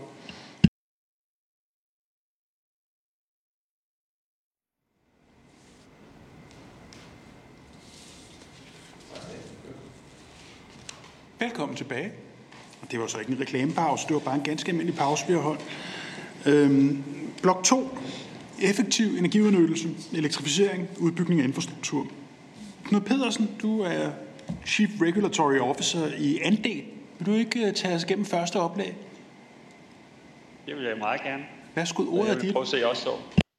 Se om jeg kan få uh, koblet en, en planche på her. Jeg ved ikke, om det lykkes. Ja, er der... Det ser fint ud. Så vil jeg lige prøve at se, om jeg kan sætte den over på præsentationsmode. Ja, øh, jeg springer direkte ud i det. Øh, den rolle, jeg har i andel, det er at, sidde i koncernledelsen med særlig ansvar for distributionsområdet, og i den funktion har, er jeg bestyrelsesformand for de to netselskaber, Sirius og Radius, som jo driver det østdanske distributionsnet. Og, øh, og den glædelige nyhed med, med, med vores net er jo jeg sige, i forhold til den diskussion, vi lige har hørt før pausen, at øh, vi har gjort en rigtig masse for at, at producere areal, eller producere mindre belastning af areal ved at grave alt vores net ned i jorden. Stort set, vi har nogle enkle net tilbage. Men øh, på den måde er vi også blevet ret usynlige i forhold til øh, den udfordring, vi står overfor. Og, øh, og derfor er jeg rigtig glad for at også være blevet inviteret med til øh, den, her, øh, den her øh, spændende høring. Øh, fordi øh, vores opfattelse er jo, at øh, hvis vi skal lykkes øh, så kræver det også, at vi, vi kan få ekspederet den vedvarende energi, den grønne strøm, rundt, øh, både få det ind i nettet og få det ud til øh, mange forskellige typer af kunder. Selvfølgelig også de store nye produktions- øh, og forbrugsdele, som jo især påvirker energinet, men men den danske omstilling lykkes kun, hvis, hvis også vi kan give det distributionsnettet til at levere varen. Og der må vi sige, at, øh, at, øh, at øh, et er at snakke om det, noget andet er at gøre det. Og, og vi oplever, at, at vi har voldsomme udfordringer med at, at, at ruste os og, og bygge og give vores kapacitet hurtigt nok til at levere på den elektrificering, som vi oplever allerede nu er i fuld gang. Øh, og derfor tror jeg faktisk også, at hvis vi lykkes med det, og det ikke hvis, når vi lykkes med det og løser det på en god måde, så vil det også være et væsentligt afsæt for profilering af øh, den måde, som øh, vi kan eksekvere elektrificeringen på, den måde vi kan eksekvere det at få puttet den grønne strøm ind i systemet og få optimal udnyttelse af den. Ikke kun i store forbrugssammenhæng, men også ud øh, i lokalsamfundet og herunder også at få inddraget lokalsamfundet på en aktiv og engagerende måde, tror jeg er en løftestang også i forhold til det, øh, den politiske accept af den øh, omstilling, som man måske kan forstå på papiret, men man forstår ikke voldsomheden, før man møder den, den øh, møder den i virkeligheden. Øh, min pointe her er også at sige, at øh, netselskaberne er et voldsomt reguleret område. Øh, vi er måske usynlige, men vi er i hvert fald meget øh, hårdt reguleret, og derfor er det også rigtig vigtigt, at vi får en, øh, øh en hurtigere alignment mellem de offentlige myndigheder, man kan sige det politiske system og, og, og, og, og netselskabernes øh, ledelse og, og styring. Øh, hvis vi lykkes, så tror vi at på, at vi kan producere øh, store konkurrencefordele for danske virksomheder, men også producere ny forretningsudvikling, som, som kan øh, etablere den her omstilling på en langt mere intelligent øh, måde end, end mange af de eksempler, vi ser rundt omkring i udlandet, herunder ikke mindst i vores store naboland syd, til syd, hvor, hvor der jo allerede er nævnt nogle forskellige ting i deres udfordringer, som, som de har svært ved at løse på en smart og effektiv måde.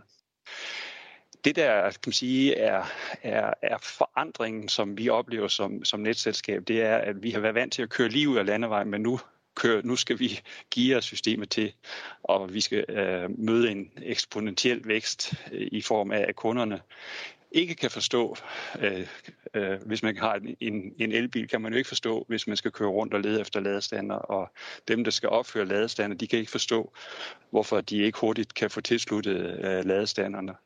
Og det samme er det jo med dem, der gerne vil opføre øh, solcellermarker eller øh, landmøller, som skal ind i distributionsnet, de kan jo ikke forstå, hvorfor det går så lang tid at få det transporteret væk.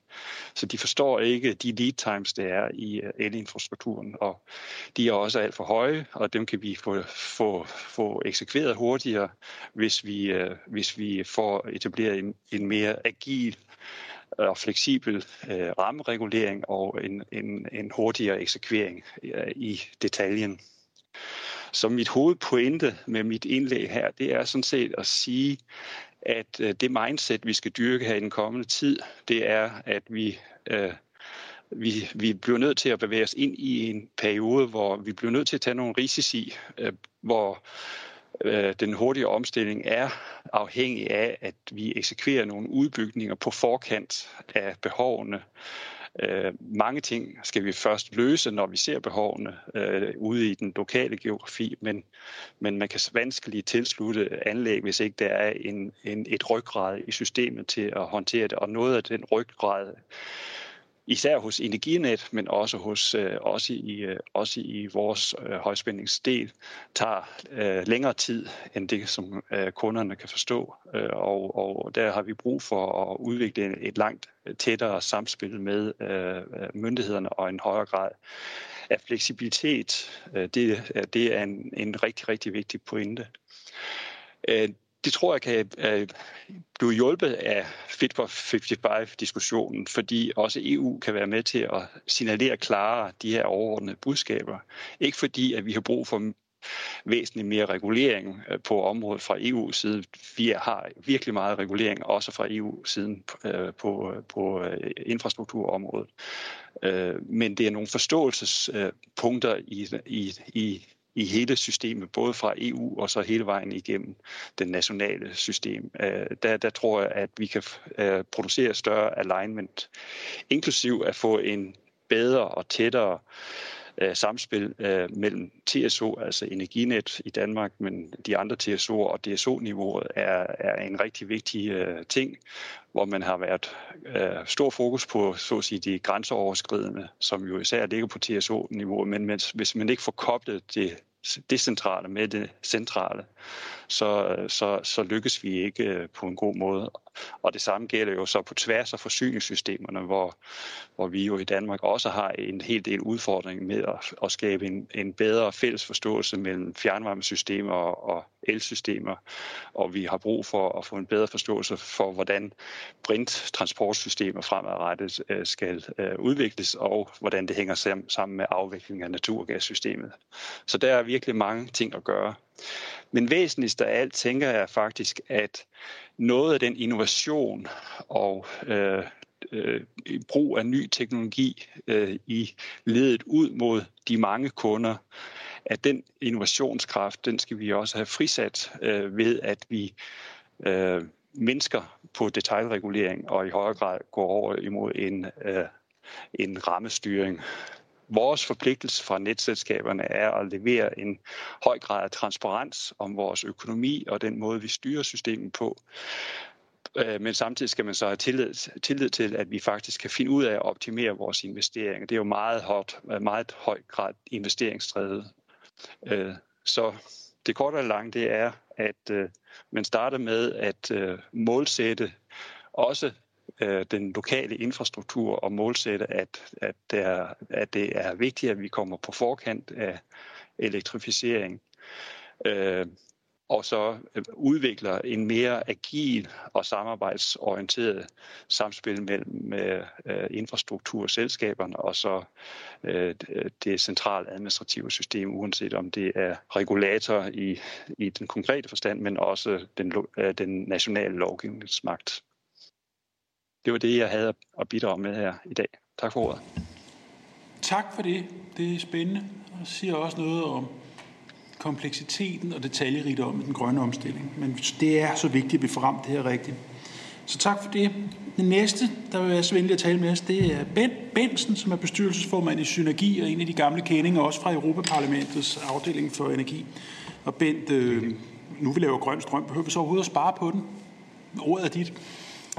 Tusind tak for invitationen. Jeg kører lige med en anden profil. Det er, fordi jeg sidder på kontoret, og nu prøver vi lige at sætte lidt slides på omkring øh, høringen her i dag. Altså, jeg vil sige, øh, at øh, hvordan fastholder vi i Danmark øh, som et foregangsland inden for EU øh, energieffektivitet? Hvordan øh, gør vi så klar til den her 55-pakke?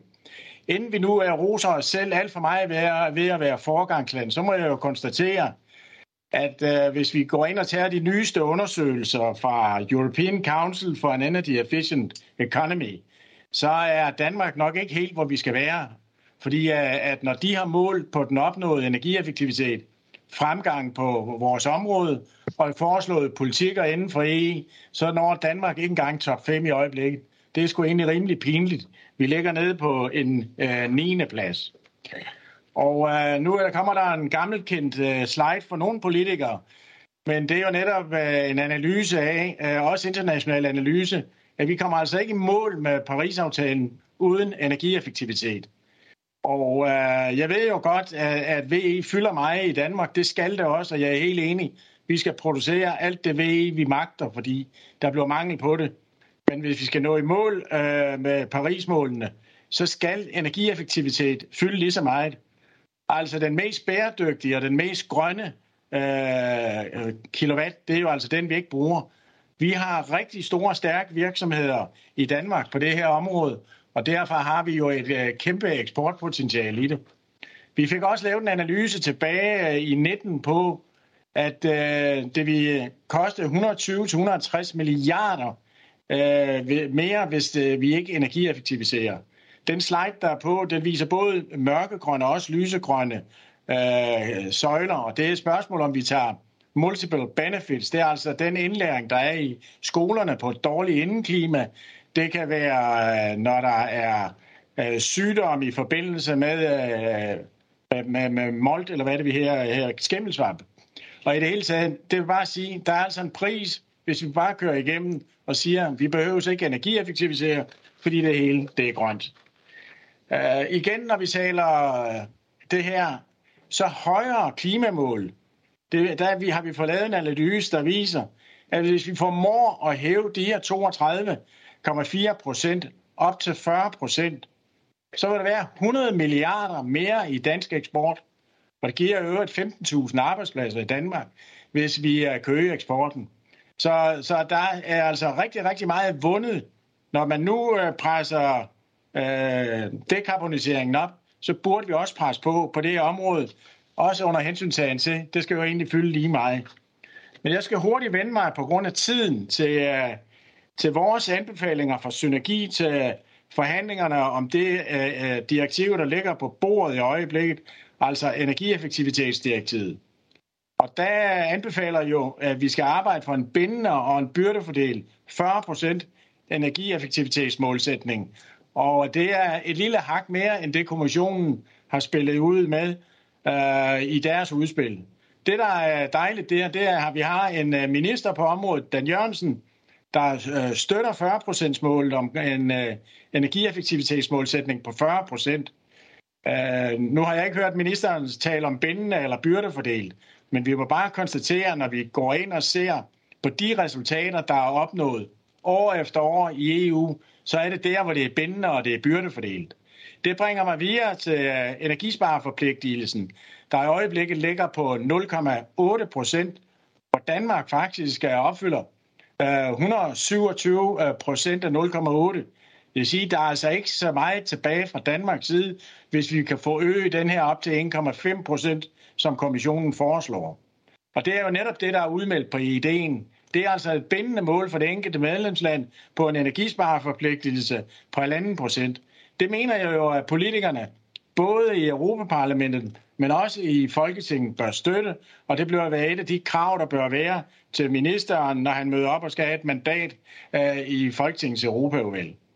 I, den det samme, øh, I det samme direktiv, der ligger der et renoveringskrav på 3 procent øh, af alle offentlige bygninger. I dag er det jo kun statslige bygninger. Jeg kan jo sige, at jeg prøvede i 2010 sammen med Britta Thomsen fra Socialdemokratiet og øh, få alle offentlige bygninger ombord. Men det lykkedes altså medlemsstaterne at kun få det til statslige bygninger. Jeg tror, de udgjorde 13 procent. Også her ved vi, at det betyder en utrolig masse, hvis vi kan få det her på plads. Og ikke nok med det, men det vil igen betyde øget eksport, både med nummer to og nummer tre også. Og så også, at det, der har været one-lineren i Bruxelles igennem mange, mange år, Energy Efficiency First, at det også bør udbredes i Danmark. Også udmeldt øh, fra EU-kommissionen i de direktiver, der ligger. Så altså på den side her, der ligger til den, vi allerede kender på ideen, det er altså op på 40 procent, gør det øh, til en bindende byrdefordelt målsætning.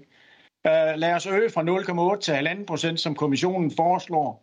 Lad os gå op på 3 procent af alle offentlige bygninger. Hvorfor i alverden skal kommuner og regioner ikke opfylde de samme mål til bygninger, som man øh, gør ude i det, det statslige system?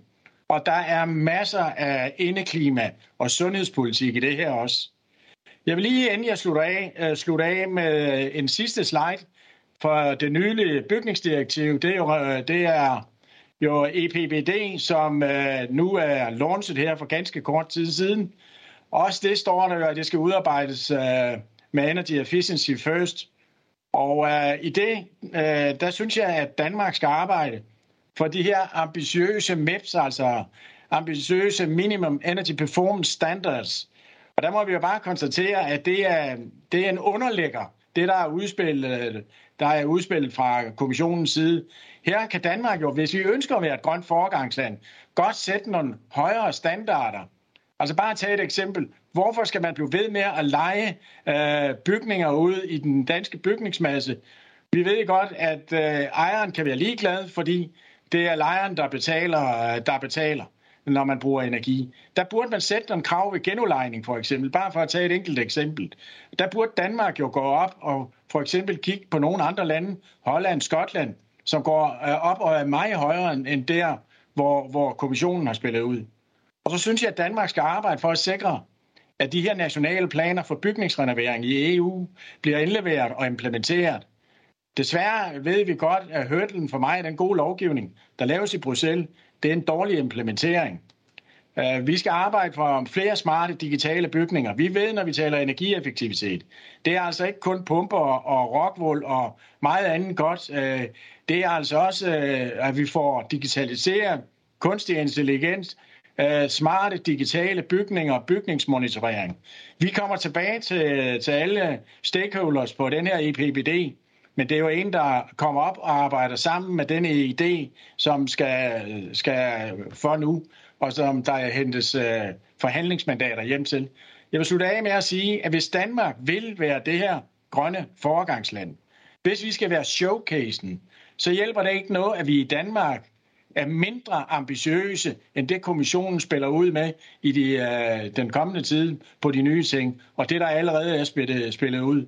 Altså lad os da for pokker stå ved 3% kravet på alle offentlige bygninger. Lad os stå ved de halvanden procent. Lad os arbejde for 40% øh, energieffektivisering.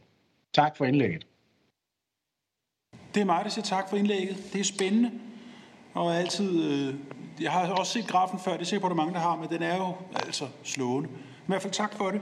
Den næste, der er med os, det er Jesper Skov, som er direktør i Siemens. Du øh, har jo også dit take på det, som vi glæder os til.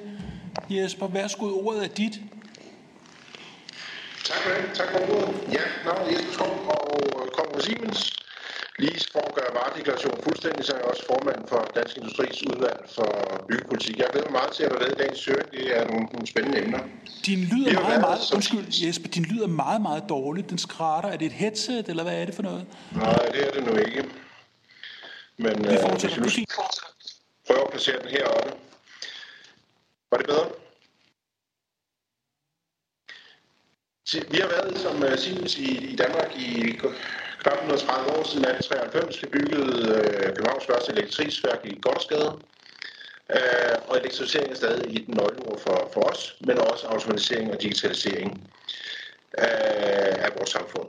Det er udbygning af vores elnet, det er opbygning af ny øh, ladeinfrastruktur til elbiler og busser med videre. Elektrificering har udgjort en meget vigtig forudsætning for udviklingen af vores moderne samfund. Og strøm i stikkontakterne er noget til at få givet. Vi skal, som tidligere talere har været inde på, blive nødt til at sætte yderligere fart i elektrificeringen. Selvfølgelig baseret på de vedvarende energikilder, da det er forudsætningen for at reducere vores udledning af skadelige klimagasser. Og jeg vil bedt om at give et bud på, hvordan EU kan gøre det nemmere for industrien at elektrificere. Men før jeg gør det, så vil jeg meget gerne meget tydeligt understrege, at det for Siemens ikke kun handler om at udvide produktionen af vedvarende energi og udbygge den øh, transmission og distribution af el øh, for at elektrificere samfundet. For os handler det lige så meget som det, som Ben Benson netop har været inde på og forklare os øh, glimrende. Det handler om energieffektivisering og besparelse på energien, hvor man kan, og ikke mindst reduktion af udledning af hele værdikæden ved for eksempel at muliggøre omkostningseffektiv produktion tæt på forbrugeren i Danmark.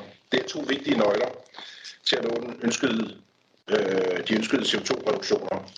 Og specielt når vi for eksempel hørte Jan før fortælle om, hvad er det egentlig for en leveringstid, der er på VE, og vi hørte øh, Knud fortælle om tilslutningstider osv., jamen så er energieffektivisering meget centralt. Digitalisering spiller en vigtig rolle i energieffektivisering. Det er netop ikke kun øh, isoleringsmaterialer, pumper osv., men det er også, hvordan vi smart styrer vores industri og vores øh, bygninger. Energieffektivisering bliver rigtig vigtig når vi øh, kigger på liberalisering af erhvervslivet. Og hvis vi ser det inklusive landbruget, så er der et estimat, der siger, at vi kommer til at øge vores elforbrug frem mod 2030 op til 4 timer. Det er meget. Det kræver rigtig store investeringer i elforsyningen. Og hvorfor er det? Hvad mener jeg egentlig, når jeg taler om den her energieffektive elektrificering? Det jeg først og fremmest taler om den direkte elektrificering. Det vil sige, der hvor strøm udenbart kan bruges som erstatning for fossile brændstoffer, det kan fx være via vores, det vi kender i dag, køreledninger til togene, men måske også det, vi ikke rigtig kender kun på forsøgsbasis, køreledninger til tog og lastbiler. Det er til den direkte, umiddelbare forbrug i industriprocesser og andre steder i samfundet. Og det er jo en modsætning til det, vi hørte lidt om øh, før pausen, omkring den indirekte elektrificering via Power X, hvor strømmen bruges til at producere grønt brint. I den forbindelse sker der jo, som, som også har været klart i debatten gennem, gennem lang tid, et voldsomt energitab og derfor er det jo vigtigt, at vi bruger strømmen direkte, hvor det overhovedet er muligt. Og det er industrien, det er bygningerne, det er transportsektoren. Brænden skal ikke, og det må jeg ikke misforstå her, øh, holdes udenfor, men den skal bruges der, hvor vi ikke har andre muligheder. Det er for eksempel skibs- og luftfart, men det er også en del af de industriprocesser, som ikke kan elektrificeres. Og industrien er vigtig for den grønne omstilling. En stor del af CO2-udledningen for industrien, dels for produktion, det vil sige, at ca. 20 procent af vores energiforbrug finder sted i forbindelse med industrielle processer, men også i høj grad for de bygninger og for den transport, som knytter sig til industrien. Hvis vi prøver at se på denne her øh, oversigt fra øh, på, på, hvad der er muligt, så er det på alle områder, både på transport, bygninger og industri, muligt at reducere CO2-udlægningen gennem elektrificering. Og potentialet er stort, specielt på, på transportområdet. Den her graf og, billede billedillustration bygger på en rapport fra 2018 fra den europæiske elindustri. Den viser, at på udgangspunkt i 2015, der er 1% af transportsektoren, det er måske blevet til 2 nu, 34% af bygninger og 33% af industrien elektrificeret. Elektrificeringsgraden forstået som, hvor meget, hvor stor del af det samlede energiforbrug er elektrisk. Samme rapport estimerer, som I kan se, at op mod 50% af industriens processer kan elektrificeres. Og lige sådan notabene for Danmark er vi pt. på omkring øh, godt, godt 40 procent, 41 procent, så vi er kommet et godt stykke i forhold til resten af Europa. Der er tilsvarende et dansk forskningsprojekt på DTU, Electrification of the Industry, her fra marts 21, som viser endnu større potentialer for elektrificering i dansk industri. I det behovet for fossile brændstoffer vurderes til at kunne reduceres helt ned til 10 procent af den nuværende anvendelse. Der er en del øh, flaskehals for den omstilling, som, som projektet peger på. Det er både teknisk, organisatorisk og økonomisk ramt. Og med den indledning bringer lidt frem til, hvad er dagens tema? Hvad kan vi gøre for at fjerne disse flaskehalse, og hvad mere præcis kan EU gøre? Principielt er der to muligheder, pisk eller gulerod, eller selvfølgelig øh, effektive kombinationer af de to. Og hvis vi ser på vores øh, fire bud, jamen for det første så er det vigtigt, at der fra EU og medlemsstaternes side fastlægges ambitiøse mål for energieffektivisering i industrien. Ligesom det i flere år har været gældende for bygningers energieffektivitet. Og i forlængelse her bør kravene om energiaudits i energieffektiviseringsdirektivet skærpes, således at flere virksomheder bliver omfattet. Samtidig er det vigtigt at forpligte virksomheden til at implementere de økonomisk rentable resultater af disse audits, så den her auditrapport ikke bare bliver noget, der bliver lagt i, i øh, vindueskarmen, men bliver brugt aktivt på at forbedre på de ting, som er økonomisk rentable på kort eller mellemlang øh, sigt. For det andet, så kommer vi nok ikke udenom, at der er behov for at tilvejebringe finansiel støtte til virksomhedens omstilling. Det kan være i form af tilskud eller fradrag til investeringerne, eller et fradrag til de virksomheder, der har implementeret et certificeret energiledelsessystem, en generel CO2-skat og andre ændringer af afgiftsstrukturen, som favoriserer brugen af vedvarende energi, vil også udgøre et incitament for, for virksomheden til at reducere deres CO2-udledning, da det vil gøre produktion baseret på fossile energikilder mindre konkurrencedygtig.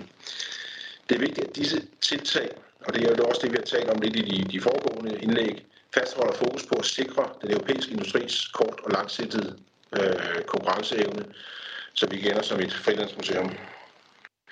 For det tredje skal EU sikre de nødvendige investeringer i elnettet, og øh, ikke mindst styrke det sammenhængende transmissionsnet på tværs af landene, således elektriciteten, og som øh, en, en tidligere så var på, også måske brinten i fremtiden, effektivt kan bringes hen til forbrugerne, om det er i industrien eller, eller andre steder. Og der er selvfølgelig også, som øh, øh, Knud er inde på, et, et behov i, i landene om udbygning af distributionsnettet, så der ikke opstår kapacitetsproblemer for industrien.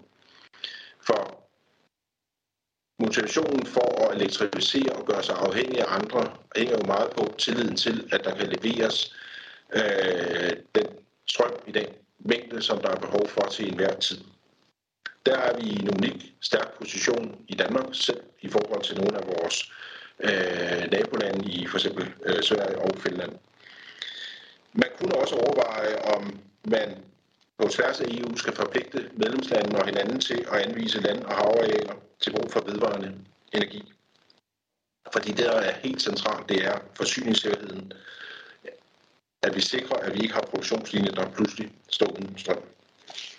Det var det tredje. Og det fjerde. For det fjerde så kan digitalisering i sammenhæng med elektrificering bidrage til at reducere CO2-udledningen yderligere.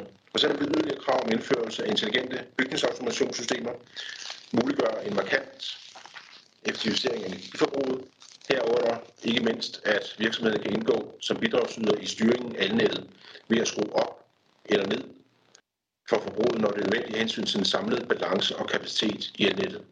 Altså at vi vender os til og i høj grad via digitalisering muliggør det, at når der er for lidt produktion, så kan vi i kortere eller længere øh, tid skrue ned for forskellige bygningers ventilation, køleanlæg eller måske endda industriprocesser, som ikke er centrale på, på i disse få sekunder eller minutter, det handler om.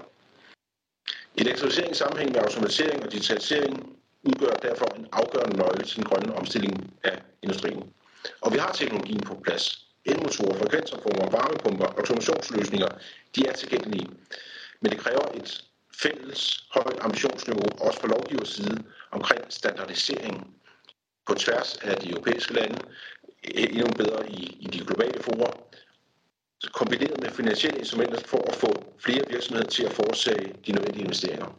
Vi kan fx se på et projekt øh, her i, i, i Danmark, at fordi at der ikke er brugt gængse standarder i de klimasystemer, der er i de, den her øh, virksomheds mange bygninger, så er det meget svært at bygge noget andet og moderne ovenpå, og investeringen bliver, bliver meget større. Så standardisering er centralt.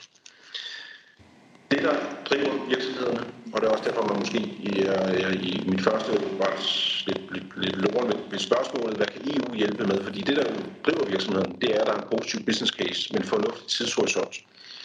Det giver motivation for virksomhederne.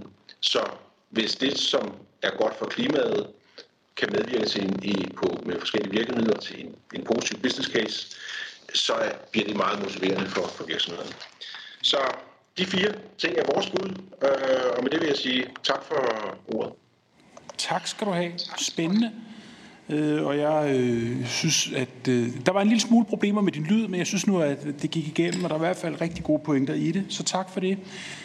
Øhm, Det skal den sidste oplægsholder i anden blok, det er Jeppe Jul, som er chefkonsulent i Rådet for Grøn Omstilling. Og Jeppe, godt at se dig. Værsgo, ordet er dit. Mange tak. Øh, og jeg er jo så rosinen i pølseenden, og jeg ved ikke, om det er en fordel eller en ulempe, at min, mit for oplæg bliver lidt mere konkret. Helt ordnet, så kan man sige, at øh, der er to reguleringer, øh, der har betydning for, at man kan lade øh, biler og lastbiler. Øh, men det hele det skyldes jo, at EU har en helt anden regulering, som vi ikke er på tapetet i dag, men CO2-krav til lette køretøjer, hvor der er målår i 2020 og 2021. Og det er basalt set jo derfor, at vi har det her store salg af plug-in hybridbiler og elbiler både i Danmark og i resten af Europa, så vi når op på en samlet 18 procent markedsandel her i, i 2021. Men nu får vi de her køretøjer, de skal lades. Der er to reguleringer, som er vigtige i forhold til det. Det ene det er noget, som Bent helt konkret fik ind i EPBD'en, bygningsdirektivet, hvor der er et krav om i forbindelse med en ny bygning, så skal man sikre ladeinfrastruktur. I hvert fald så skal man sikre tomrør til det, sådan så omkostningerne ved tilslut ikke er særlig store. Kommissionen er kommet med et fornyet forslag, øh, som er ganske fornuftigt, som stiller et vis krav til, når man har en vis mængde parkeringspladser, så skal man også lave ladeinfrastruktur. Der er sågar et forslag om, at der også skal være cykelparkeringspladser. Jeppe, må jeg lige afbryde Ja. ja. Dine slides kommer ikke med ud på transmissionen. Du skal dele skærmen med slides på en eller anden måde. Jeg prøver igen. Den viser det, som om jeg deler dem. Men jeg får at vide, Men- at det kun kommer med ud på Teams, men ikke på transmissionen, det du har delt. Ah, okay. Men jeg, jeg tænker, jeg, jeg snakker stadig lidt overordnet, og det vil jeg så prøve at gøre stadigvæk, og så dem, der så kan, de kan så underholde sig med mine mere detaljerede grafer. Øh, men rigtig fornuftigt forslag fra kommissionen i forhold til bygningsdirektivet. Det der er problemet, det er, at man kun regulerer øh, ladeinfrastruktur i nybyggeri. Øh, og selvom der selvfølgelig bliver bygget meget, så er det stadig en meget lille del. Så i forhold til bygninger, så er der brug for, at man også, øh, ligesom man skal i gang med øget renoveringer af den samlede bygningsmasse, at man også derfor sat krav ind omkring, at man skal have et ladeinfrastruktur også i den eksisterende bygningsmasse, og det er noget, man bliver nødt til at arbejde med i de kommende årtier.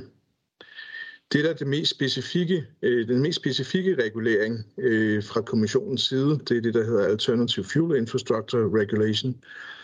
Og det, man kan sige, man grundlæggende gør, det er, at man stiller dels krav til det europæiske hovednetværk øh, TNT, øh, både det, der hedder Core Network øh, og Comprehensive Network. Øh, og det, man helt konkret stiller forslag til, nu håber jeg, at der i hvert fald er nogen, der kan se mit slide her. Kommissionens forslag betyder, at... På man kan bare selv bladre til alle dem, der sidder på Teams i Jeppe ah. slides. Okay. Det er interessant, hvis man kan spole frem i mine slides, men øh, det går nok. Det, som kommissionen har foreslået konkret i forhold til Danmark, det betyder, at vi skal have i 2025, så skal der være 27, 27 ladestationer øh, på Stor H til, hvad hedder det, til personbiler. Og jeg tænker, det er, ikke et, det er nok ikke et tal, der rigtig afskrækker nogen, eftersom at vi har enkeltfirmaer, som opstiller mere end det her bare i løbet af de, de næste par år. Så det vi tænker, der er nødvendigt, det er, at vi, vi skærper det her mål. Men det, der selvfølgelig er kommissionens hensigt med det her, det er, at man skal kunne køre, ikke bare i Danmark, men man skal kunne køre igennem hele Europa. Og det er jo derfor, de her krav til hovednetværket og det udvidede netværk er helt afgørende for at sikre, at en elbil ikke bare er noget, man kører på arbejde i. Det er også noget, man kan køre på ferie i, og man kan køre i hele Europa på det her. Så derfor er det vigtigt at sikre den her del af det.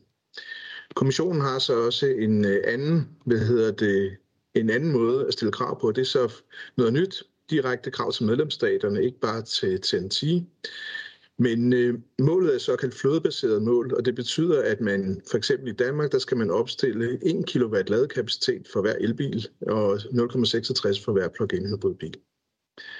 Øh, igen, så er det ikke noget, der rigtig bør afskrække os i Danmark. Hvis man kan finde Danmark på, på mit slide, hvis ellers man kan se det, så forventer kommissionen, at vi opfylder de her krav med allerede vedtagne politikker.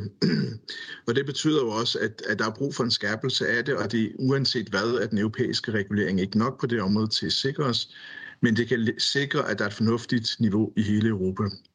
Det der, det der udfordring, det er, at vi har brug for meget mere ladeinfrastruktur i starten, hvor der er få køretøjer, end senere hen. Vi har brug for at få en bredere dækning fra starten af.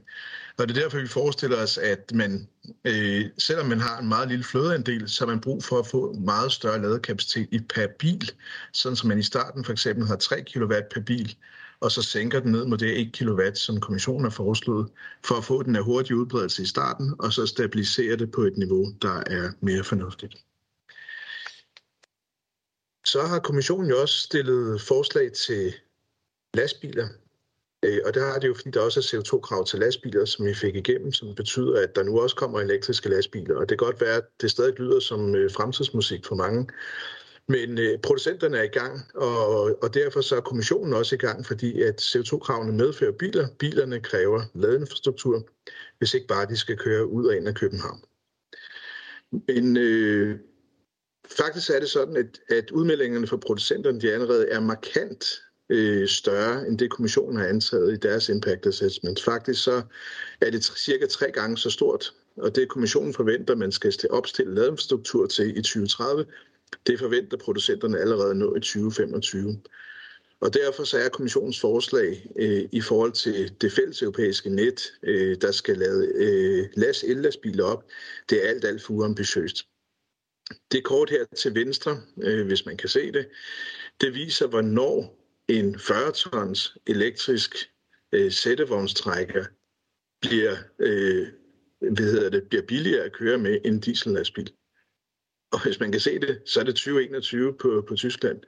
Og det er jo fordi, de har nogle det helt særlige rammevilkår i Tyskland i øjeblikket. Det der problemet, det er, at vi ikke rigtig har den 40-tons sættevognstrækker nu, men vi først får den i 2024.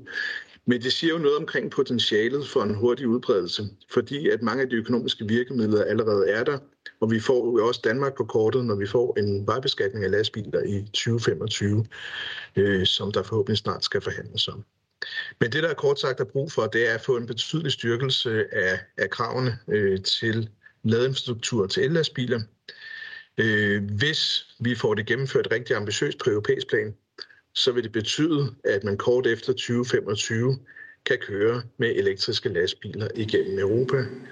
Og når vi når frem mod 2030, så vil man kunne tage en meget stor del på elektriske lastbiler. Et minut, Jeppe. Ja. Øh, I forslaget så stiller man også krav til brint. Og det er fordi, at hvis ikke man kan køre hele vejen på batterielektriske lastbiler, så har vi brug for brint. Øh, de europæiske producenter forventer først at have brintlastbiler klar i anden halvdel af, af 20'erne, og derfor så foreslår vi, at vi venter med at tage stilling til infrastruktur til brint, fordi at det er eksorbitant dyrt at lave øh, ladeinfrastruktur til, til brintlastbiler. Så vi foreslår, at vi venter med kravene. Det er ikke, fordi de ikke nødvendigvis skal være der, men det, der er vigtigt, det er, at de steder, hvor vi kan køre batterielektrisk, er langt mest energieffektivitet, eller mest energieffektivt, og derfor så skal vi prioritere det først. Kan vi ikke gå hele vejen, så får vi brug for brint.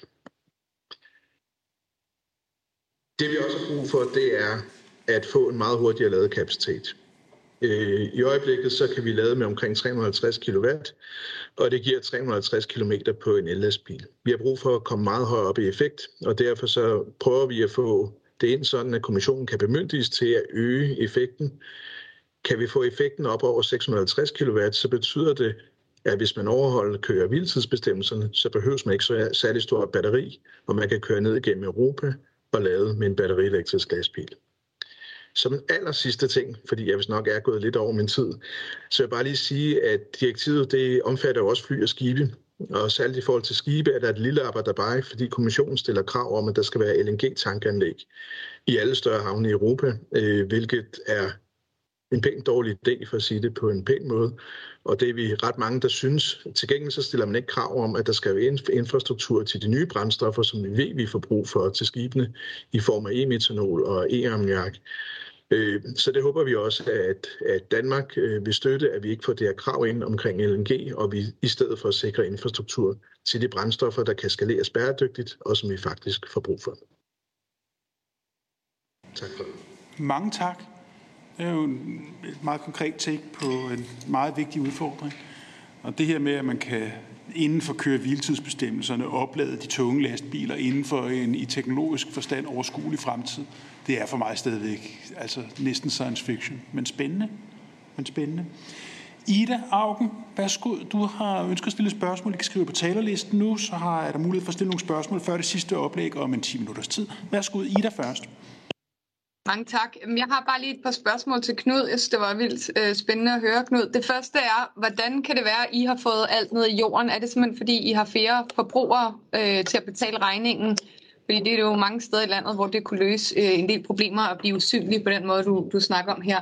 Mit andet spørgsmål det er i forhold til regulering af elnettet og øh, elinfrastrukturen, som jo er et relativt komplekst område, som jeg tvivler på, at vi er ret mange politikere, der helt kan overskue fra den ene ende til den anden.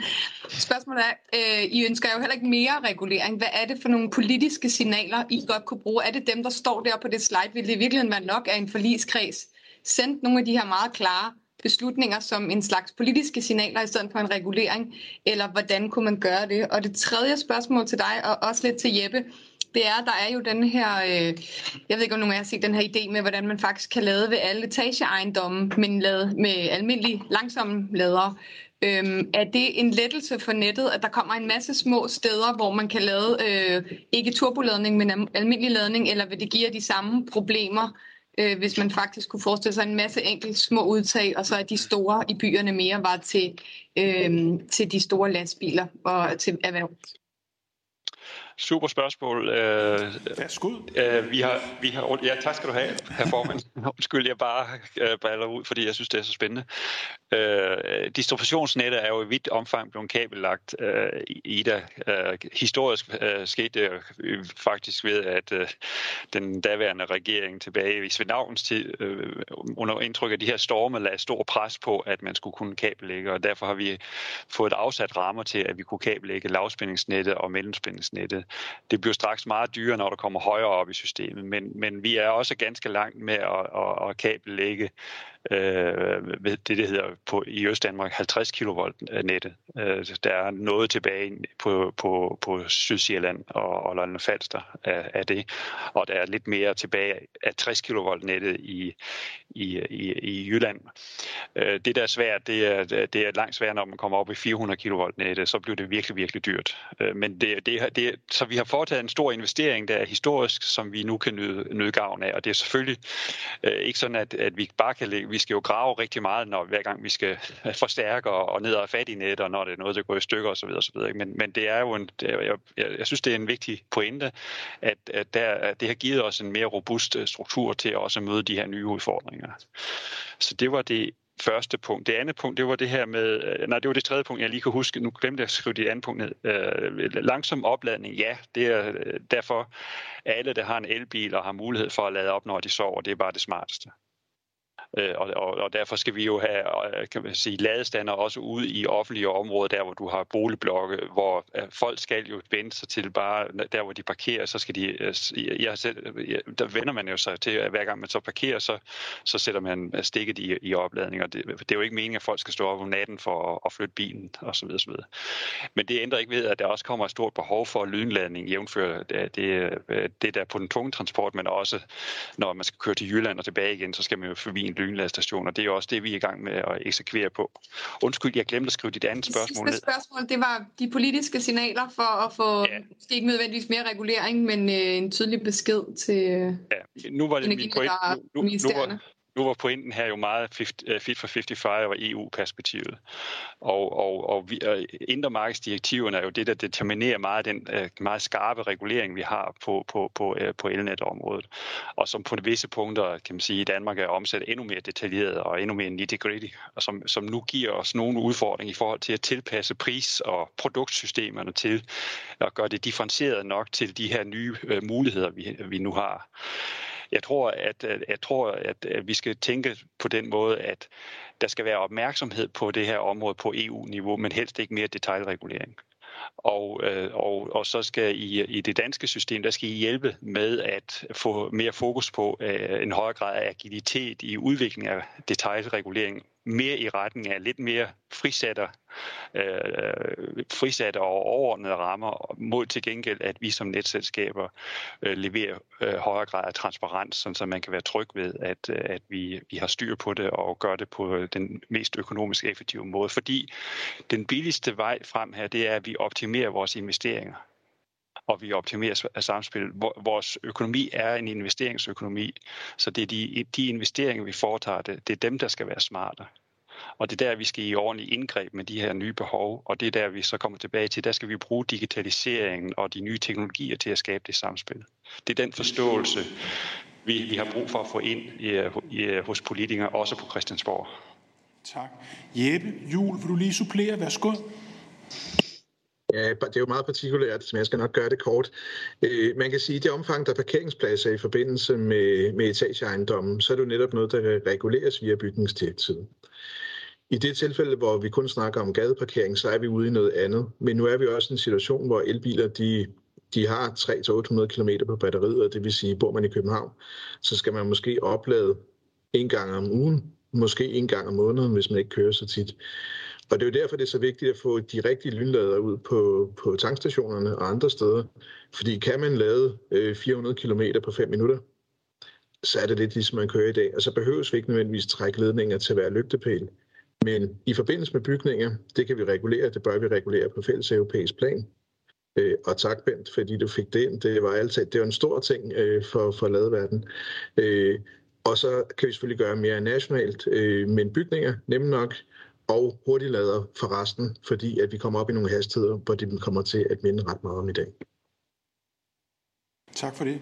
Morten, har du noget, du har lyst til at kommentere på i forhold til input til din del af arbejdet her fra både lade- og elektricitetsafdelingen? Jamen kun lige den, den øh, bemærkning, at, at, øh, altså, at i betragtning af, hvor store summer der investeres i øjeblikket i forhold til de her genopbygningsparker, hvor 37 procent skal være øh, grønt og 20 procent digitalt, og det samspil, der selvfølgelig er og skal være mellem de to sektorer, øh, så giver det jo sådan lidt Øh, uden overhovedet, at jeg har overblikket over, hvad de forskellige medlemslande har meldt ind her. Men, men, men der er jo ingen tvivl om, der bliver jo investeret massivt i de her ting, og ikke mindst i forhold til altså hele infrastrukturen på, øh, på, på, på lavet diskussion. Og så skal vi jo have fat i bygningsdirektivet igen, altså som, som, som Jeppe siger her, ikke? og, og der, der er klart, der, der er oplagt, at, at den skal have en, en, en, et nødt til i forhold til de krav, som vi med rette kan stille til altså indretningen af fremtidens øh, bygninger. Tak. Tak. Knud Pedersen, værsgo. Bare en lille ekstra pointe i forhold til det, Jeppe siger, at øh, i, i, det, seneste, i, det, i det her døgn, vi kigger ind i nu, der svinger elprisen mellem 4 kroner og 10 øre den rene elpris. Og derfor ved at skabe adgang til uh, langsom opladning, så skaber vi også adgang til øh, en billigere opladning for uh, elbilskunderne. Og det er jo alt andet lige det, vi ønsker. Og, og, og det det giver bare samlet set en, en bedre udnyttelse af systemet og en meget højere og mere grøn, kan man sige, en hurtigere grøn omstilling. Så, så, så, så, så, så derfor er det en vigtig pointe, men vi leverer selvfølgelig infrastruktur også til hurtig opladning, og, og, og, og for os er det om at, at få prissignalerne til at virke øh, fornuftigt øh, ud øh, mod kunderne, sådan så at de, øh, de, de og deres leverandører får, får, får de rigtige incitamenter til at tilpasse sig. Var det da vinden øh, begyndte at blive stærkt, at den faldt til 10 øre tidligere i dag? Ja, vi kan glæde os over lige i dag og det her døgn er der, er der ret lave priser, øh, sådan set næsten hele døgn rundt. Men, men I vil så se, hvis I kigger en lille smule længere frem, øh, fordi det er jo en forward 20, 24 timer frem, så stiger den så igen, og så, så kommer vi over på et europæisk Putin-niveau, vil jeg sige. Ikke? Så det er kun, når vinden blæser, at vi kan holde os ude af den der misære? Ja, eller hvis det ikke er efterspørgsel, det, det, det, det kan jo sagtens blæse rigtig meget, men hvis den kan komme ned til det europæiske marked, så er det jo den pris, der, danner, øh, der dannes. Og det er jo, det er jo super godt. Det tror jeg alle, øh, der, der, der producerer og, og nu gerne vil producere ind i et markedssystem, i stedet for at være under statslige støttesystemer, de vil, de vil foretrække. Mm. Det er rigtigt. Godt. Mange, mange tak. Det har været vægtige og gode indlæg, og jeg er både blevet klogere og også mere bevidst om opgavens omfang. Og vi kommer selvfølgelig i forskellige sammenhænge tilbage til det hele det her kompleks, fordi Fit for 55, det er jo ikke noget, der skal vedtages en eftermiddag og så implementeres den næste dag. Det er noget, vi kæmper med i den kommende periode. Vi er nået til dagens sidste oplæg. Vores sidste oplægsholder, det er Jette Bredal Jacobsen. Hun er næstformand i Klimarådet, og Jette, du får jo så lov til at sige, hvad du selv vil, og også samle op og også meget gerne kommentere på, hvad du har hørt i løbet af dagen. Men tak fordi, at du vil være med til at lukke den her høring. Jette, ordet er dit. Jamen, øh, tak skal du have. Jeg håber, I kan se mine, øh, mine slides. Øhm, det jeg gerne vil øh, slutte af med øh, på, på jeres enormt spændende dag her, hvor jeg har diskuteret rigtig mange detaljprincipper omkring, hvad er det, den her Fit for Five-pakke indeholder.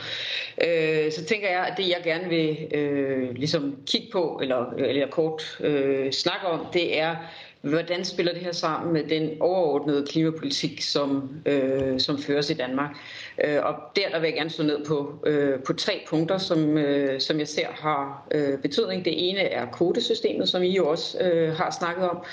Øh, det andet er det forslag, der er omkring øh, landbrugssektoren og LULUCF-sektoren, øh, hvis vi kan kalde den en sektor, øh, som slås sammen. Og endelig så noget omkring, øh, hvad de her forhøjede EU-forpligtelser betyder i forhold til de målsætninger, som øh, som også er øh, besluttet i Danmark. Så hvis vi starter med den første omkring øh, kvotesystemet, så øh, kan man sige, at det som den grønne, øh, fuldt optrukne linje her viser, det er, jamen, hvor mange kvoter vil der blive udstedt om året, og ideen er, at der skal udstedes færre og færre kvoter over tid, så på den måde, så kan man sige, så strammer man øh, automatisk øh, øh, hvad skulle sige, udledning, eller man strammer op på, på udledningerne, for at man får reduceret dem. Det den stiplede så viser, det er jo så, hvad er det egentlig, der er ambitionen i den her Fit for 55, øh, som, hvoraf man kan se, at det er især et spørgsmål om en hurtigere afvikling. Øh, og det betyder reelt, at fra 2039, så bliver der ikke udstedt flere kvoter Derfor kan man godt stadigvæk fra 2039 have udledninger inden for kvotesystemet, men det kan man kun i det omfang, at det er kvoter, som er gemt, øh, gemt for tidligere. Det er selvfølgelig en, øh, en kraftig stramning. En af de andre ting, som også er blevet nævnt øh, her tidligere i dag, det er jo så, at, øh, at der også er forslag om at udbygge det her kvotesystem til også at, øh, at indeholde andre øh, sektorer end det, der i dag er omfattet af kvotesystemet. Og særligt der så er der forslag om at lave et nyt kvotesystem for vejtransport og bygninger, øh, som vil have samme princip om en øh, hvad skal jeg sige, en, en reduceret øh, sti i forhold til, hvad det er, vi ser af udledninger. Og det kommer selvfølgelig til at få betydning for, øh, for den danske øh, politik øh, på det her område i, i forhold til, hvor, hvor, hvornår øh, og hvor hurtigt vi laver omstillingen. Det andet element, jeg gerne vil pege på, det er det, der ligger inden for landbrug, og så det her LULUCF, altså øh, udledninger fra og udledninger og optag fra jord og i skove. Øh, og øh, det, der er forslaget, øh, det er, at de to lægges sammen efter 2030. Øh, og det vil sige, at man kigger på, hvad er udledninger for de her to elementer samlet set. Øh, det, som, som grafen her viser, det er, det er flere ting. Den ene ting, det er de blå søjler, de viser, hvad er de forventede udledninger samlet set i EU øh, fra landbrugssektoren. Øh, og det grønne, øh, de grønne søjler, det er så, hvad er det for forventede udledninger, der er i LULUCF-sektoren. Og der, som vi kan se, de negative, hvad i høj grad øh, skyldes optag øh, i skove blandt andet. Øh, så ved at de lægges sammen, kan man sige, så, så lægger man jo så også ind, at, øh, at, at de skal tænke sammen i, hvordan de forvaltes. Øh, men inden da, så har man, så har man siger man, jamen, men, øh, der er et forslag i 2030 om at have et, øh, et specifikt mål for negative udledninger i LULUCF-sektoren på 310 millioner ton. Øh, som I kan se på de grønne, så ligger de sådan rimelig stabilt der omkring de 200. Det vil sige, at man snakker altså om, at der skal betydeligt flere negative udledninger til. Øh, og, og, og det vi snakker om der, jamen, jamen det er jo selvfølgelig i, i høj grad et spørgsmål om øh, skovrejsning, øget kulstoflæring i skove, øh, udledninger fra jord, så det kan være lavbundsarealer i en dansk kontekst. Øh, men det er den type tiltag, hvor, man kan, hvor at, øh, der, der faktisk er øh, ganske betydelige ambitioner allerede i 2030. Det der så, hvis vi kigger på den lidt længere bane, øh, også er interessant, det er, at der er et forslag om, at vi fra 2035 skal være øh, have netto nul udledning fra de to, udled, fra de to sektorer samlet set. Øh, og det betyder jo altså, at alle de øh, udledninger, der vil være fra vores animalske produktion i EU, de skal opvejes af optag i LULUCF-sektoren. Øh, altså i jord, jord og skov. Og, øh, og den er, øh, den er, hvad kan man sige, det, hvis vi ser på, på et land som Danmark, så har vi jo en, øh, en meget høj animalsk produktion. Øh, så det er, så det er nok øh, det er næppe noget, der, der nødvendigvis vil skulle nås for Danmark, men det er for EU som helhed, øh, at ambitionen ligger på det niveau. Og så kommer der selvfølgelig en, en forhandling i EU på, hvordan skal de her fordelinger være, også i forhold til, hvordan er de forskellige lande ligger både med udledningerne fra landbruget, men også med de negative udledninger fra LULUCF-sektoren. Øh, Hvis vi så ser på øh, på forpligtelserne i EU, så kan man sige, at helt overordnet set, så kræver, øh, så øh, er forslaget jo, at man hæver forpligtelsen fra 39 til 50 procent i ikke-kvotesektoren. Øh, og øh, samtidig så de her øh, mål om, hvordan man skal, øh, de her specifikke mål inden for, hvor meget skal vi have af udlændingsreduktioner, øh, fra, fra negative udledninger øh, i LULUCF-sektoren igen, jamen de kommer til at betyde, at øh, det harmonerer ikke nødvendigvis med den danske 70% målsætning. Og det, der er den store forskel, det er, at den danske 70% målsætning, det er punktmål. Øh, så det siger, jamen i 2030 skal vi have reduceret med 70%, mens de her EU-målsætninger, de kører på stimål, det vil sige, hvor meget har vi udledt over en længere periode. Øh, og det er noget af det, som vi stadigvæk øh, regner på lige nu, og her i slutningen af februar udkommer vi med vores øh, årlige statusrapport, hvor vi kommer til at, at forholde os øh, helt specifikt til det her også. Øh, så, så man kan sige, jeg kan, ikke, jeg kan ikke gå så ind sådan meget specifikt lige nu og sige, hvad er det, vi ser som problemer, men det vi i vores forløbige beregninger i hvert fald øh, viser, det er, at øh, med, med de øh, politikker, som, som allerede øh, er vedtaget, og med de forventede fremskrivninger, jamen, så ser vi umiddelbart ud til at opfylde de nuværende forpligtelser.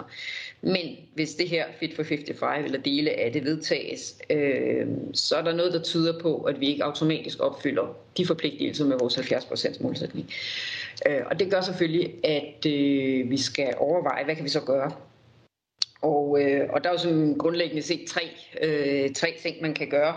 Øh, det ene det er selvfølgelig, at vi kan vælge at reducere mere end 70 procent. Øh, det kunne være en vej at gå. Øh, den anden ting, man kan gøre, det er, at man kan sige, at mange af de målsætninger her inden for EU, det er fordi, de er mere sektorspecifikke end 70 procent målsætningen, som jo er på, på alle udledninger i samfundet. Øh, så vi kan jo også overveje at samtænke øh, nogle af de her ting. Og det, som især kendetegner øh, Fit for 55, det er den her mere øget fokus på ikke-kvotesektoren, og det vil sige øh, vores landbrugssektor og vores transport. Så man kan sige, at i det omfang, at vi laver reduktioner i øh, de sektorer, så vil det i højere grad være alignet med, hvad der sker, øh, hvad der sker i EU. Den sidste mulighed det er jo selvfølgelig, at vi går ind og benytter nogle af de her øh, fleksibilitetsmekanismer, som blandt andet øh, kvoteannullering eller køb af andre landes øh, udledningsrettigheder. Øh, det er dog noget af det, som man kan sige sådan set i det lange perspektiv godt kan gå hen og blive uforholdsvis dyrt, fordi det øh, for det første er en omkostning for statskassen, hvis man vælger at gøre det her nu, øh, men også fordi det jo ikke bidrager til en omstilling øh, på den længere bane. Øh, så, man, så samlet set, så kan man sige, jamen det her, det... Øh, det indikerer, at vi, skal, vi, skal, vi bliver nødt til at forholde os til de her øh, mål øh, i forhold til, hvordan vi sammensætter vores politik om at nå 70% målsætning, sådan at vi i virkeligheden får samtænkt de her politikker øh, i højere grad. Ja, det var det, jeg havde at sige. Mange tak. Carsten Kismar vil gerne stille et spørgsmål. Vi starter lige med ham. Carsten, værsgo.